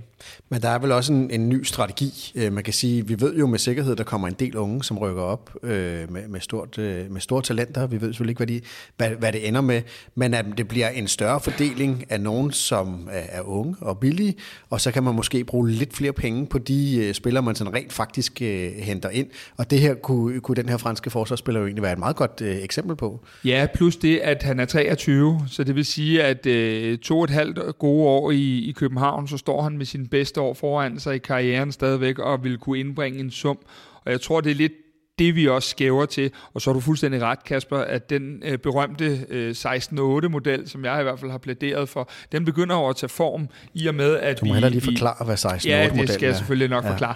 Det er, at vi har øh, otte spillere af egen avl i truppen, øh, hvoraf i hvert fald, kan man sige, de, de, øh, de 5-6 stykker ikke oppebærer den store løn, fordi de er kommet på deres første fuldtidskontrakt i FC København. Øh, så har vi jo så Vinder Darami, som opbærer en større løn, men som vi ikke har betalt transfer til. Det vil sige, at hvis du kan begynde at ramme de ting med, med, med de unge førstegangskontrakter, der ligger et pænt stykke under, i hvert fald hvad, hvad Oviedo og Pierre Bengtsson og Thomsen og dem har tjent, jamen så giver det flere penge til Lukas Leaer, øh, Victor Fischer og, og, og den slags typer. Og, og jeg tænker, at det er det, vi ser ind i nu, at øh, nu har vi i hvert fald fem nyoprykkede U19-spillere i vores trup, Øh, og vi har øh, en Darami, og vi har en Jonas Vind, i hvert fald lidt endnu. Øh, og det vil sige, at det er syv spillere, vi ikke har betalt for, og hvor kun de to af dem opbærer en, en relativt god løn. Og det gør jo, at, at, øh, at, at der kommer nogle lønkroner der, som vi kan smide efter nogle, nogle dyre, dygtige spillere.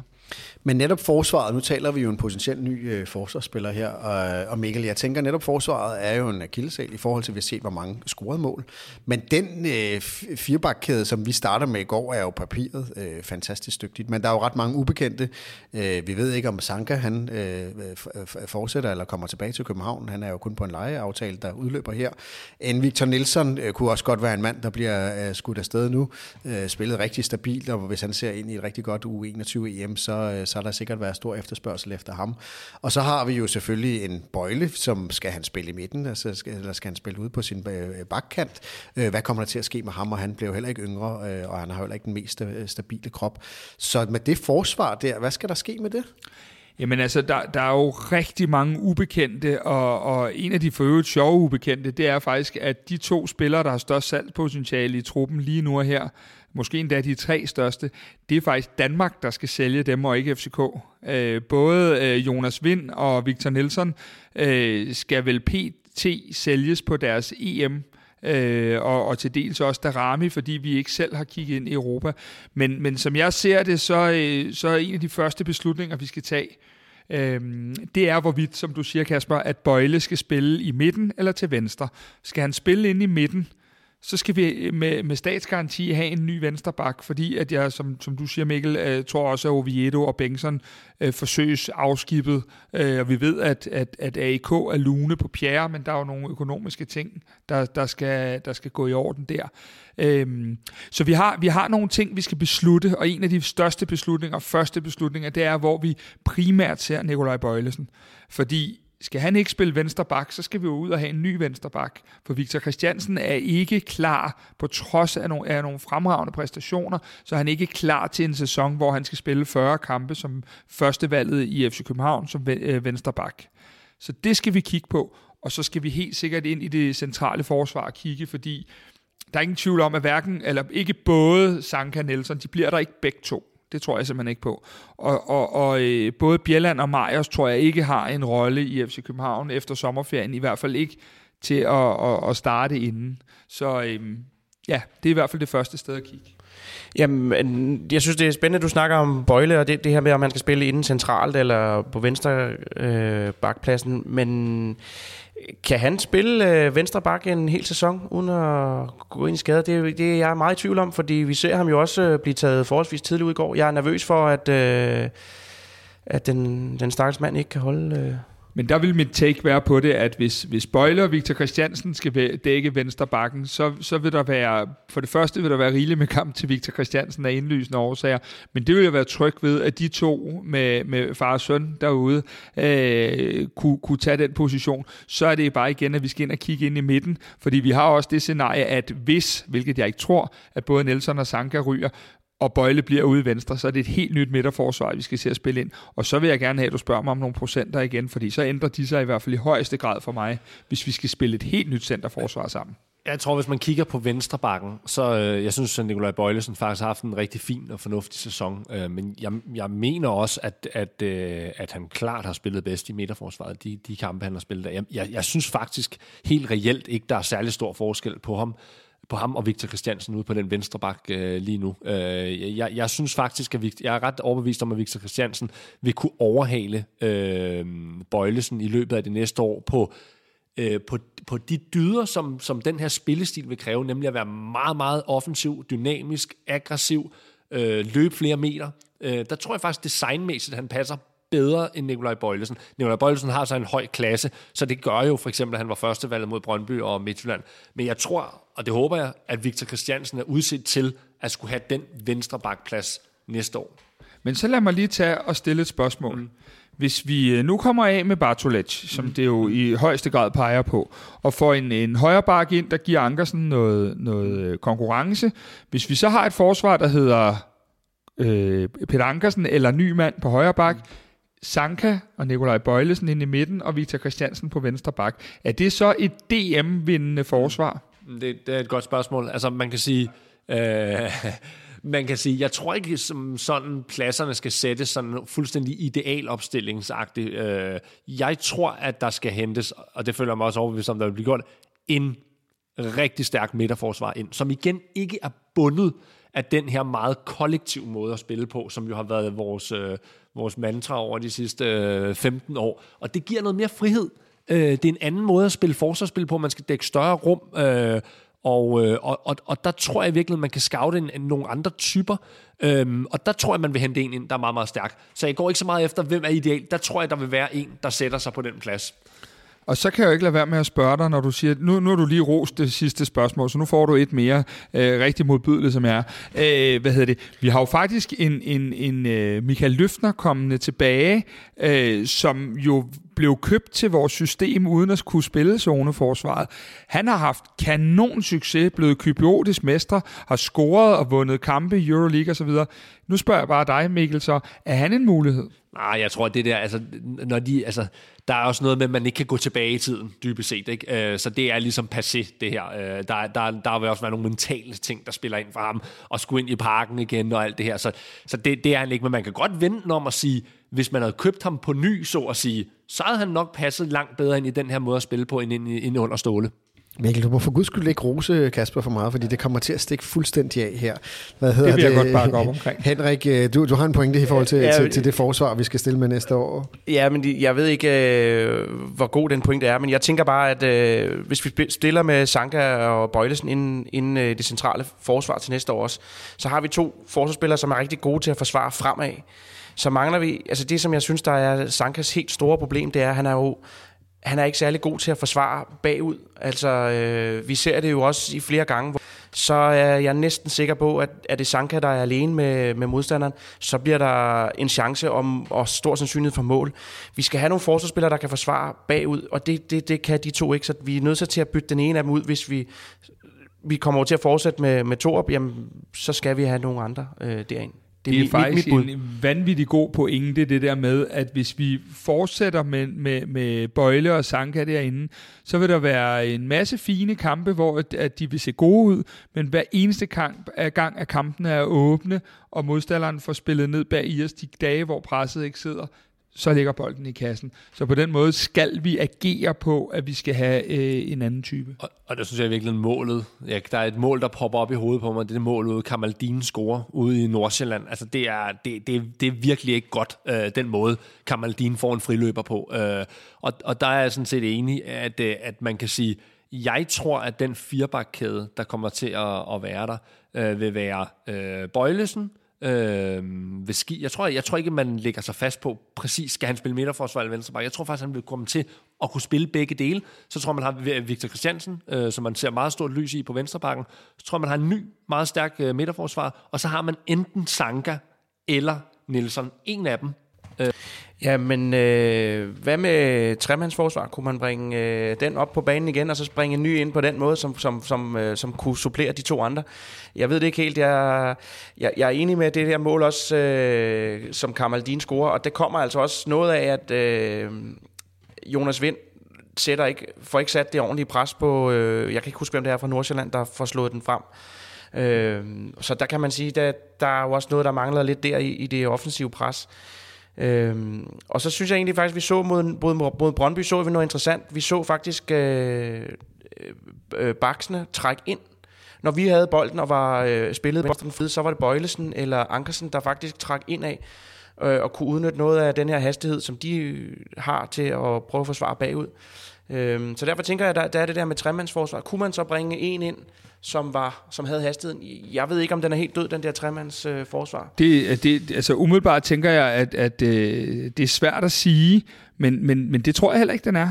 Og man kan jo igen sige, at hvis vi kigger lidt på det, så øh, øh, en, en, en bøjle, øh, en Sanka og en ny mand i, i, i sådan et tremandsforsvar, og så med, med typer som både Victor Christiansen og Peter Ankersen, som jo er født til også at kunne spille wingbacks, så vil jeg ikke sige, at den var død. Sige? Fordi, men jeg, jeg er helt enig i, også hvis man kigger altså, på internationale tendenser og så videre, øh, og den måde, øh, man gerne vil spille fodbold på i FC København, jamen der passer et tremandsforsvar rigtig, rigtig godt, men, men spørgsmålet er, at man har den tid, og, og grunden til, at man ligesom ikke gik over til det, da Torup kom, det var jo simpelthen, fordi spillerne føler sig mere komfortable ved firebakkæden. Men på et eller andet tidspunkt, man må også gøre op med det og sige, jamen, nu får vi nogle andre typer spillere. Nu er det ikke længere de her øh, kollektivt designede fodboldspillere. Og så vil der jo være på et tidspunkt, hvor man er nødt til at og i hvert fald øh, overveje, er det nu det rigtige tidspunkt at gå over til en, en tremandsforsvar? Og det, det tror jeg, du har ret i, og det er også derfor, at vi sidder og snakker om, at, at det øh, ikke nødvendigvis altid bliver gamle kendingen, der skal hjem. Fordi hvis vi skal til at gøre op med en stil, der har kørt i 15 år, så er vi i hvert fald som minimum også nødt til at have nogle spillere ind, øh, øh, som ikke er, kan man sige, belastet af kulturen, og det er ikke negativt ment at sparke den bagud, men, men så skal vi jo have nogle spillere ind, som ser det som det mest naturlige at ligge i en trebakkæde. Det var forsvaret. Lad os lige prøve at, at vende de næste kæder også. Man kan sige, at vi har en midtbane, øh, som måske i hvert fald ikke får de helt store udskiftninger, hvor vi, hvor vi, hvor vi har en, en, en Stage og en Lea og en, og en Sika, som, som ligger dernede. Er der brug for forstærkninger øh, på midtbanen? Uh, umiddelbart kan man sige, at hvis du har Leaers, Dage, Seca, Falk og Pep Biel, uh, Mikkel er, vi talte jo også igen lige inden udsendelsen om det der med, at, at Falk og Biel ser vi ikke spille på samme tid, men hvis, hvis, hvis Falk ikke kan spille, så kan Pep Biel spille. Øh, der vil jeg mene, at med de fem spillere, øh, som så måske er til, til tre til fire pladser, øh, der kan man overveje, de, jeg ved, de evaluerer inden sommerferien på, om Staminic skal op nu, øh, men der er ikke så mange minutter til ham, eller skal han blive nede? Der er måske ikke fysisk øh, øh det, det øh, modspil, han skal have. Der ligger noget lige der på vægtskålen, fordi numerisk kunne vi godt mangle en enkel, fordi vi heller ikke, men, men det er igen det, hvilken rolle skal øh, Hakan øh, Haraldsson have, øh, fordi han er jo så den sjette, så numerisk kan man sige, hvis vi regner ham med allerede fra nu af, som vi jo bør, jamen så, så er vi vel der, hvor at midtbanen ikke bliver udskiftet. Nej, jeg synes både numerisk, men også kvalitetsmæssigt, så, så står Bestemt. vi faktisk uh, rigtig fint på midten. Også fordi nogle af dem, der har pil op, Lerager, Stage, øh, Halt, vil jeg sige, Sækker også øh, er blevet bedre. Altså, der, der er pil op her, øh, og jeg synes i virkeligheden, det var dynamoen i de kampe øh, mod øh, Midtjylland og Brøndby, og det vi virkelig lykkedes med. Det er de her meget dynamiske spillere, så der, dem har vi jo egentlig ret mange af. Øh, jeg, jeg hører så til dem, der ikke har voldsomt stor fidus til Pep Biel, øh, så, så, så jeg, jeg, jeg tvivler på, hvor meget spilletid øh, Pep Biel får øh, næste år, hvis jeg skal være helt ærlig. Øh, jeg synes, der er både numerisk og kvalitetsmæssigt øh, godt styr på den, øh, den, den altså 6 og 8 delen. Men Mikkel, kan vi spille med Lea, Seca og, og Stage på samme tid? Jeg er med på, at vi måske kan gøre det i en europæisk kamp, men er det egentlig realistisk i en Superliga-kamp, at vi kan det? Men, men jeg tror måske, det er lidt den nye måde at tænke på, det er, at, at når man kigger på dem i udgangspunkt, så virker oh, det er godt nok mange centrale midtbanespillere spiller, men når man, man skal mere tænke det på, øh, som at både Lea og Stager kommer enormt meget med i feltet, så de kan virkelig godt udgøre det for traditionelle angriber, kan du sige. Bare de kommer nok med i feltet, og de er målfarlige. Og det synes jeg egentlig også, man fik set nogle gange, at, at hvis det er tilstrækkeligt dynamisk, jamen, så kan det godt virke at have mange af de spillere med. Jamen, jeg så også, øh, som du nævnte der, de kommer mere med i feltet, og vi ser jo faktisk, at det mod, jo, både mod Brøndby og mod Midtjylland, der bytter de faktisk plads med, øh, med Vind og Camille. De falder lidt længere ned i banen, og specielt Vind, som går ned og, og, og er med i, øh, i spillet på midtbanen. Og Lea og, øh, og Stage, de, de, de løber faktisk op og står ved øh, modstandernes øh, bagerste kæde. Har bolden, og så de her spillere, der er gode til at komme i, i feltet, det, det synes jeg så, øh, det så rigtig godt ud. Jeg tænker, at det, der taler imod det der med de tre inden, det er i hvert fald, øh, eller hvis man vil have de tre inden, så kan man ikke spille med, med et tremandsforsvar. Det, det, det tror jeg er, øh, er udelukket. Altså man kan sige, jeg havde jo en snak med Jes Torup ude på tieren, øh, noget vi også kan linke til i shownoterne, og han var jo i hvert fald meget begejstret. Man så jo øh, i hvert fald øh, i helt i hans øjne, da vi nævnte det med, øh, med Stage og Lea i feltet, at det er virkelig noget, de prioriterer højt, og at de to otter kommer der ind, og som Henrik siger, øh, kommer ind øh, i et løb bagfra, som alt andet lige er sværere at gardere sig imod. Øh, og på den måde bliver vi meget mere fleksible i vores angrebsspil, fordi at modstanderen har flere, de skal tage hensyn til. Øh, og Jes siger jo så, som Jes nu siger, øh, at vi gerne vil have alle med i feltet nærmest, men, men helt klart, ud fra det Henrik også siger, så, så tror jeg, at de har en kæmpe rolle i, i, i offensiven, de to. Så lad os lige kigge på, på angrebet i forhold til den transfer-sæson, øh, vi, vi går ind i, eller transferperiode, vi går ind i nu. Det lyder jo lidt mærkeligt, hvor skal målene komme fra, når det, vi har været det klart mest målscorende hold i, i den her sæson. Men der er jo spørgsmålet med, øh, har vi nogen, hvis vi ikke bruger Vilcek øh, fast, hvem skal så score målene? Har vi brug for en, en goalgetter, Mikkel? Ja, ja, ja i, på angrebspositionerne, hvis vi tæller alle tre, øh, så at sige, både kanter og angriber sammen her, så, så tror jeg, det er også et af de steder, man virkelig kigger. Og øh, nu har vi nævnt det rigtig mange gange, men, men, men det er så åbenlyst, at man kigger på at få noget øh, fart ind. Øh, virkelig godt, synes jeg, eksemplificeret i går øh, ved, ved, ved tre foran, der hedder Biel, øh, Vind og Vilcek, og det bliver simpelthen så tungt. Øh, så der har man brug for at få noget fart ind. Darami har den, øh, og jeg synes, lad os lige prøve at tage, tage hans haller i går ud af, af ligningen, så synes jeg virkelig, at han har taget nogle step fremad. Han har leveret mål.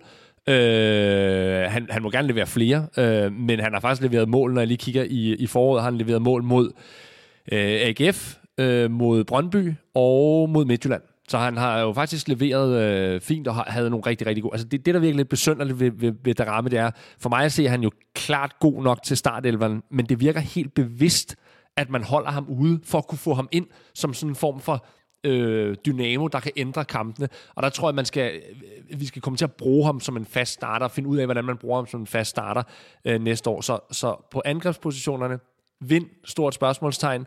Øh, jeg tror, man bliver ved med at gå med at have Vilcek, fordi, han, øh, fordi der, der er nogle mål i ham, og så skal man have noget, øh, noget og det lyder jo det lyder ikke billigt, men man skal have en spiller ind, der har øh, fart, aggressivitet og kan score mål. Ja, øh, øh, meget hen i den samme boldgade, forstået på den måde, at jeg synes igen, og så må Kasper kalde mig politiker lige om et øjeblik, men der er så mange ubekendte. Øh, og en af de ubekendte, der er for mig, når jeg skal sidde og svare på de spørgsmål, det er også, at jeg er meget, meget usikker på, hvordan vi gerne vil spille. Jeg er stadig ikke helt sikker, og det gør jo, at, øh, at det er svært at sidde og være med til at designe noget, fordi øh, jeg, jeg tror som udgangspunkt gerne, at han vil have en type, der, der øh, den, der egentlig ligger som, som den falske nier og trækker ned, skal både være en boldsikker type og, og være en, der, der kommer i feltet osv., men jeg er ikke sikker. Fordi de gange, det har fungeret bedst, har jo været med, med vind på 10'eren og, og vildtjek på 9'eren deroppe, eller i hvert fald til tider fungeret bedst. Og derfor bliver jeg bare enormt meget i tvivl. Det eneste, jeg er sikker på, det er det, du også siger, Mikkel, det er det der med, at, at vi er simpelthen nødt til at have en hurtig spiller, øh, fordi vi er simpelthen for nemme at dæmme op for, hvis vi slet ikke tror i dybden. Og det gør Darami. Ja, nu, øh, undskyld Kasper, men nu bliver jeg altså også lige nødt til at rose Kasper. Jeg synes, øh, det var meget godt ramt der. Altså, jeg tænker også på det der med, at øh, jeg sidder også med følelsen af, at, øh, at den måde, som vi spiller på lige nu, er det virkelig det, som Torup og, øh, og, og de to andre træner, er det virkelig sådan, de vil, de vil spille? Det, det, det, det føler jeg måske er jeg lidt usikker på, så det er jeg meget enig med dig i, Kasper. Men der tror jeg måske, man skal se mere på, altså vi, vi skal kunne spille på forskellige måder, og det kan lyde lidt som en kliché at sige. Nej, men det men, siger men, men, også. Men, men, men, men man skal kunne spille både med vind og vildtjek, hvis man bare bruger dem som kan du sige, repræsentanter for en måde at spille på, og man skal også kunne spille med kun én angriber, og så de her meget dynamiske otter, der søger feltet. Man skal kunne spille på, på begge måder, men fælles for, øh, for de to formationer vil være, at man har et meget højt pres, man kan spille hurtigt vertikalt igennem banen, og at man har noget fart og aggressivitet. Så, så det, det, det tror jeg, at, øh, at, øh, at, at, at man leder efter, uanset lige præcis, hvordan man vil, vil stille op i formationen. Og det har du, man kan sige, det har du jo helt øh, fuldstændig, altså, det er, jo, det er jo faktuelt ja. rigtigt, fordi vi spiller en rigtig god kamp mod Brøndby, mm. uden Kamil Vilcek i startopstillingen. Øh, øh, i måder, hvad der passer. Jo helt ind, der, der, for mig skal der nogle flere grundting på plads, mm. og det er blandt andet det der med, at vi, vi, vi meget sjældent må gå på kompromis med at have nogen, der truer i dybden, fordi så bliver vi for nemme at lukke ned. Ja. Og så lige den sidste plads i forhold til transfer, i forhold til PC's arbejde. Vi har to øh, keeper, som jo på topniveau er rigtig gode hver for sig, men som jo ikke har ramt øh, topniveau.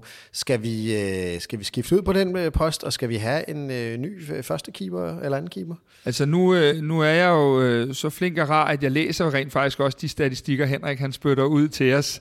Øh, og, og der må jeg bare sige, at øh, når jeg ser den liste, Henrik har lavet, og jeg tror, hvis jeg ikke husker helt galt, at vores målmænd lå placeret som nummer 13 og 14 eller noget, der ligner, øh, så bliver altså jeg nødt til at sige... på performance på, i, ja, i den her sæson i Superligaen. Ja. Øhm, så bliver jeg nødt til at sige, at vi er nødt til at tage et skift. Øh, og, og så bliver jeg så øh, tager jeg sportsdirektør øh, kasketten på og siger, at når du har en spiller som Sten Grydebust, der oppebærer en løn på 400.000 om måneden, øh, versus Kalles 250.000, jamen så er det en no-brainer for mig, når de to målmænd statistisk øh, rammer nogenlunde det samme niveau, og vi måske endda herinde fodboldfagligt mener, at Kalle er den dygtigste målmand, øh, så synes jeg slet ikke, at øh, det giver mening andet.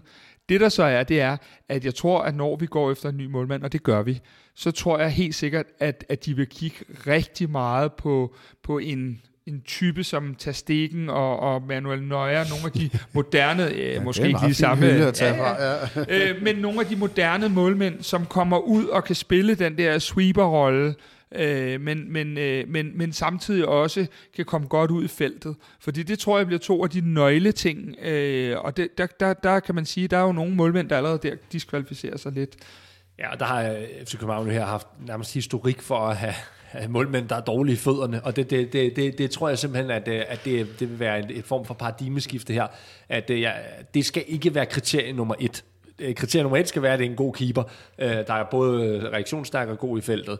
Men det er klart, det er en parameter, der nok vægter mere, end den har gjort før. At det er rent faktisk en, der det her helt karakteristiske med at kunne løfte den op over det første pres, så den lander ned lige fødderne på Rasmus Falk, eller Lea, eller hvem det er det, det skal en målmand kunne nu om dagen, eller Kalle Jonsson er særlig stærke. Ja, altså, øh, jeg, jeg, i, i forhold til noget af det analyse, jeg også har kigget på i, i, i forhold til målmændene, der er der også lidt øh, kigget lidt på, hvor mange øh, antal afleveringer der bliver spillet til, altså hvor mange afleveringer modtager hvor, øh, FCK's målmænd, og hvor mange øh, afleveringer har de i løbet af en kamp. Og der ligger FCK's målmand altså lavest, eller blandt de laveste i, i Superligaen. Og jeg har tænkt lidt over, om det er stilen fra, fra Torbag, at han ikke ønsker at bruge øh, målmand, eller om det er simpelthen fordi, at han ser, at de er ikke gode nok til at kunne indgå, som, som Kasper siger, som sweeper. Jeg, jeg er lidt i tvivl, altså jeg tænker jo også det der med, at det, vi har set, det er Sanka eller Bøjlesen, som, som, som tit får bolden, som kan, kan spille den fremad i banen. Det er ikke målmanden, der gør det hos os.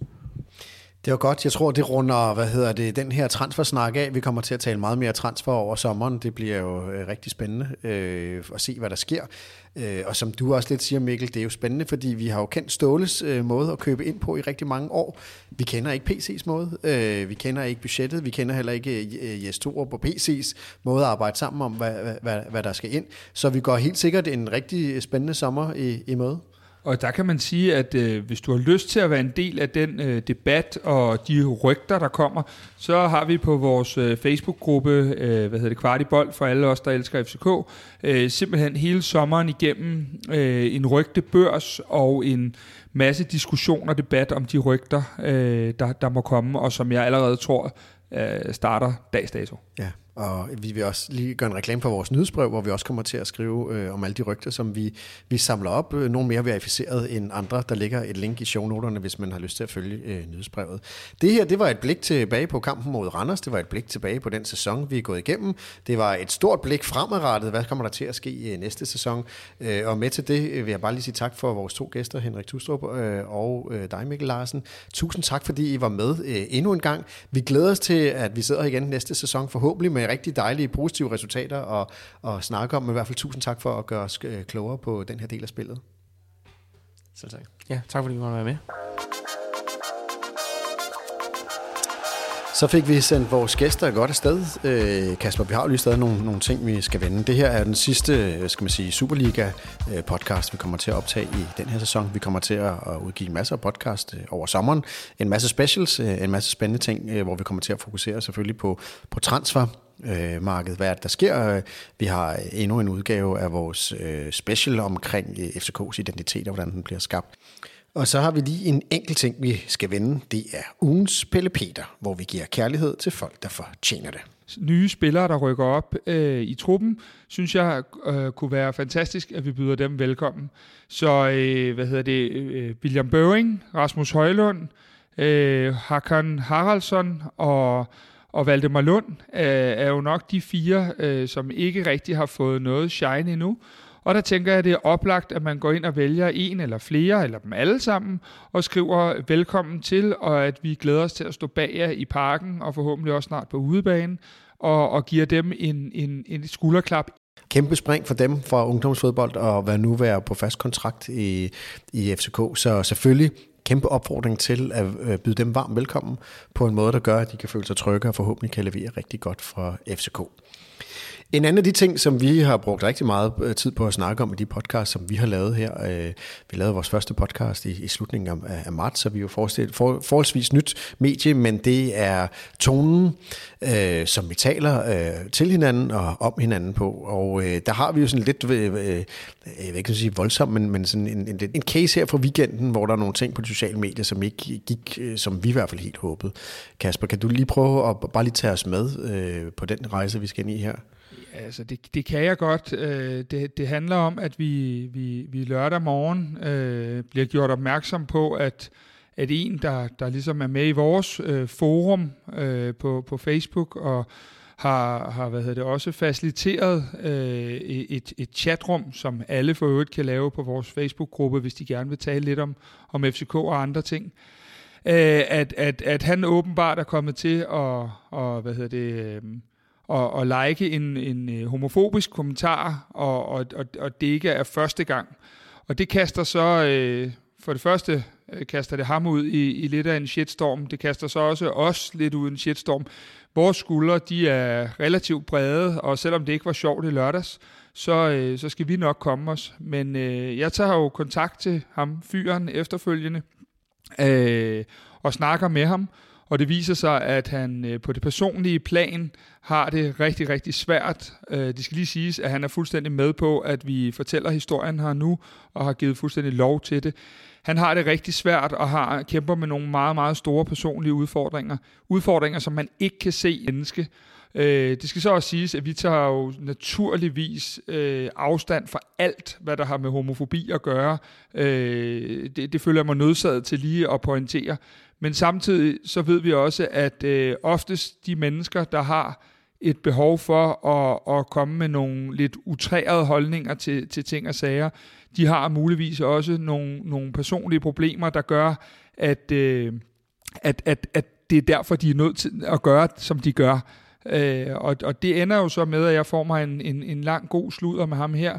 Og, og pudsigt nok er der en anden øh, kvartiboldlytter, der, der skriver til mig, om jeg har Øh, og, og det viser sig så, at, øh, at, at, at ham gutten, der skriver til mig, han er, han er misbrugsrådgiver og arbejder med, med folk, der har det svært. Og øh, hele historien ender jo sådan set lykkeligt med, at de to de bliver hugget op med hinanden og nu skal mødes og prøve at, at give hjælp.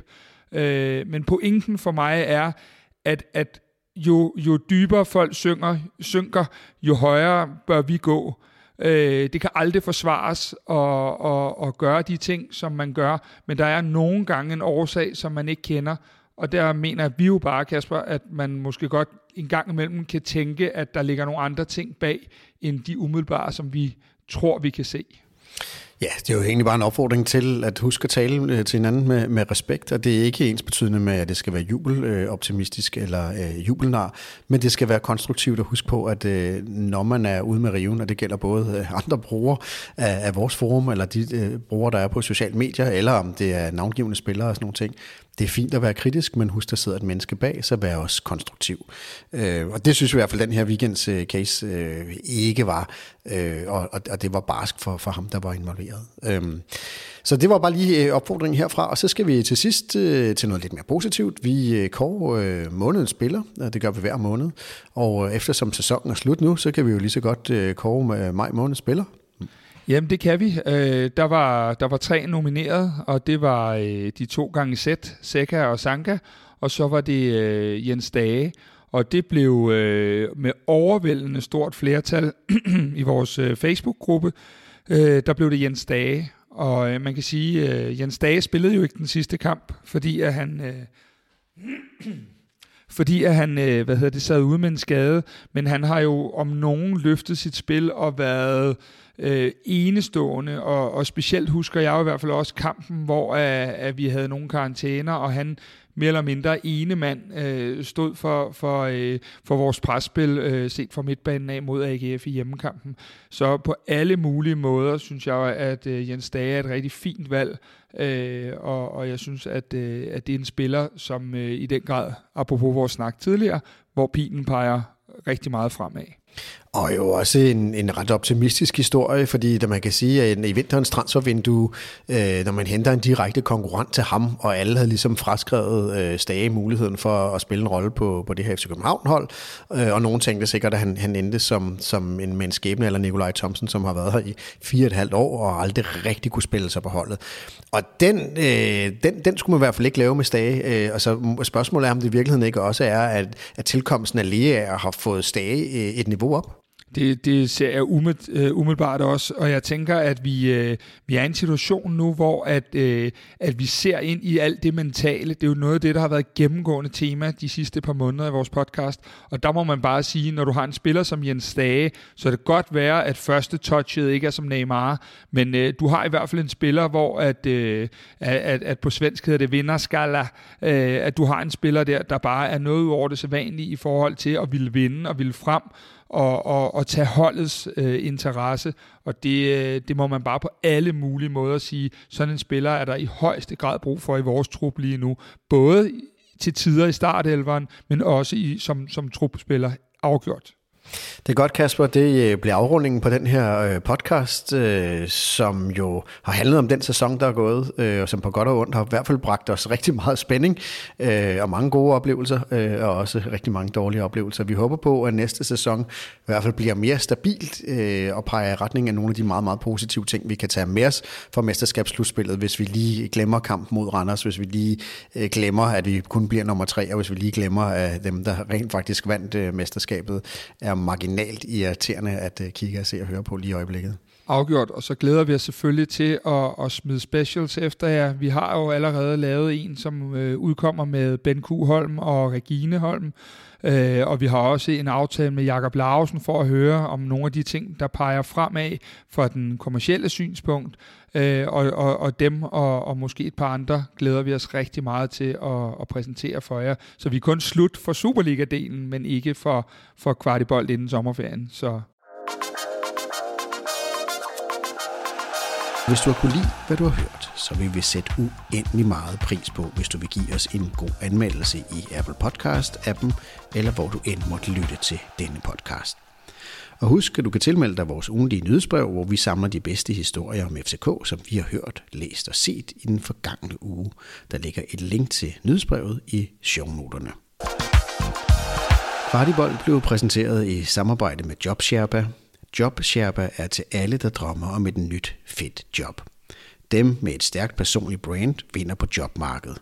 Bliver du set? Skiller du dig ud? Bliver dine resultater anerkendt? Med et forløb hos JobSherpa får du udviklet en personlig brandprofil, der matcher dit jobmål.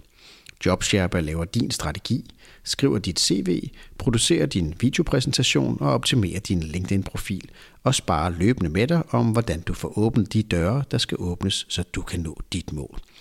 Prøv JobSherpa og få et bedre job. Se mere på jobsherpa.dk j o b s h e r p a.dk. Der ligger også et link i shownoterne.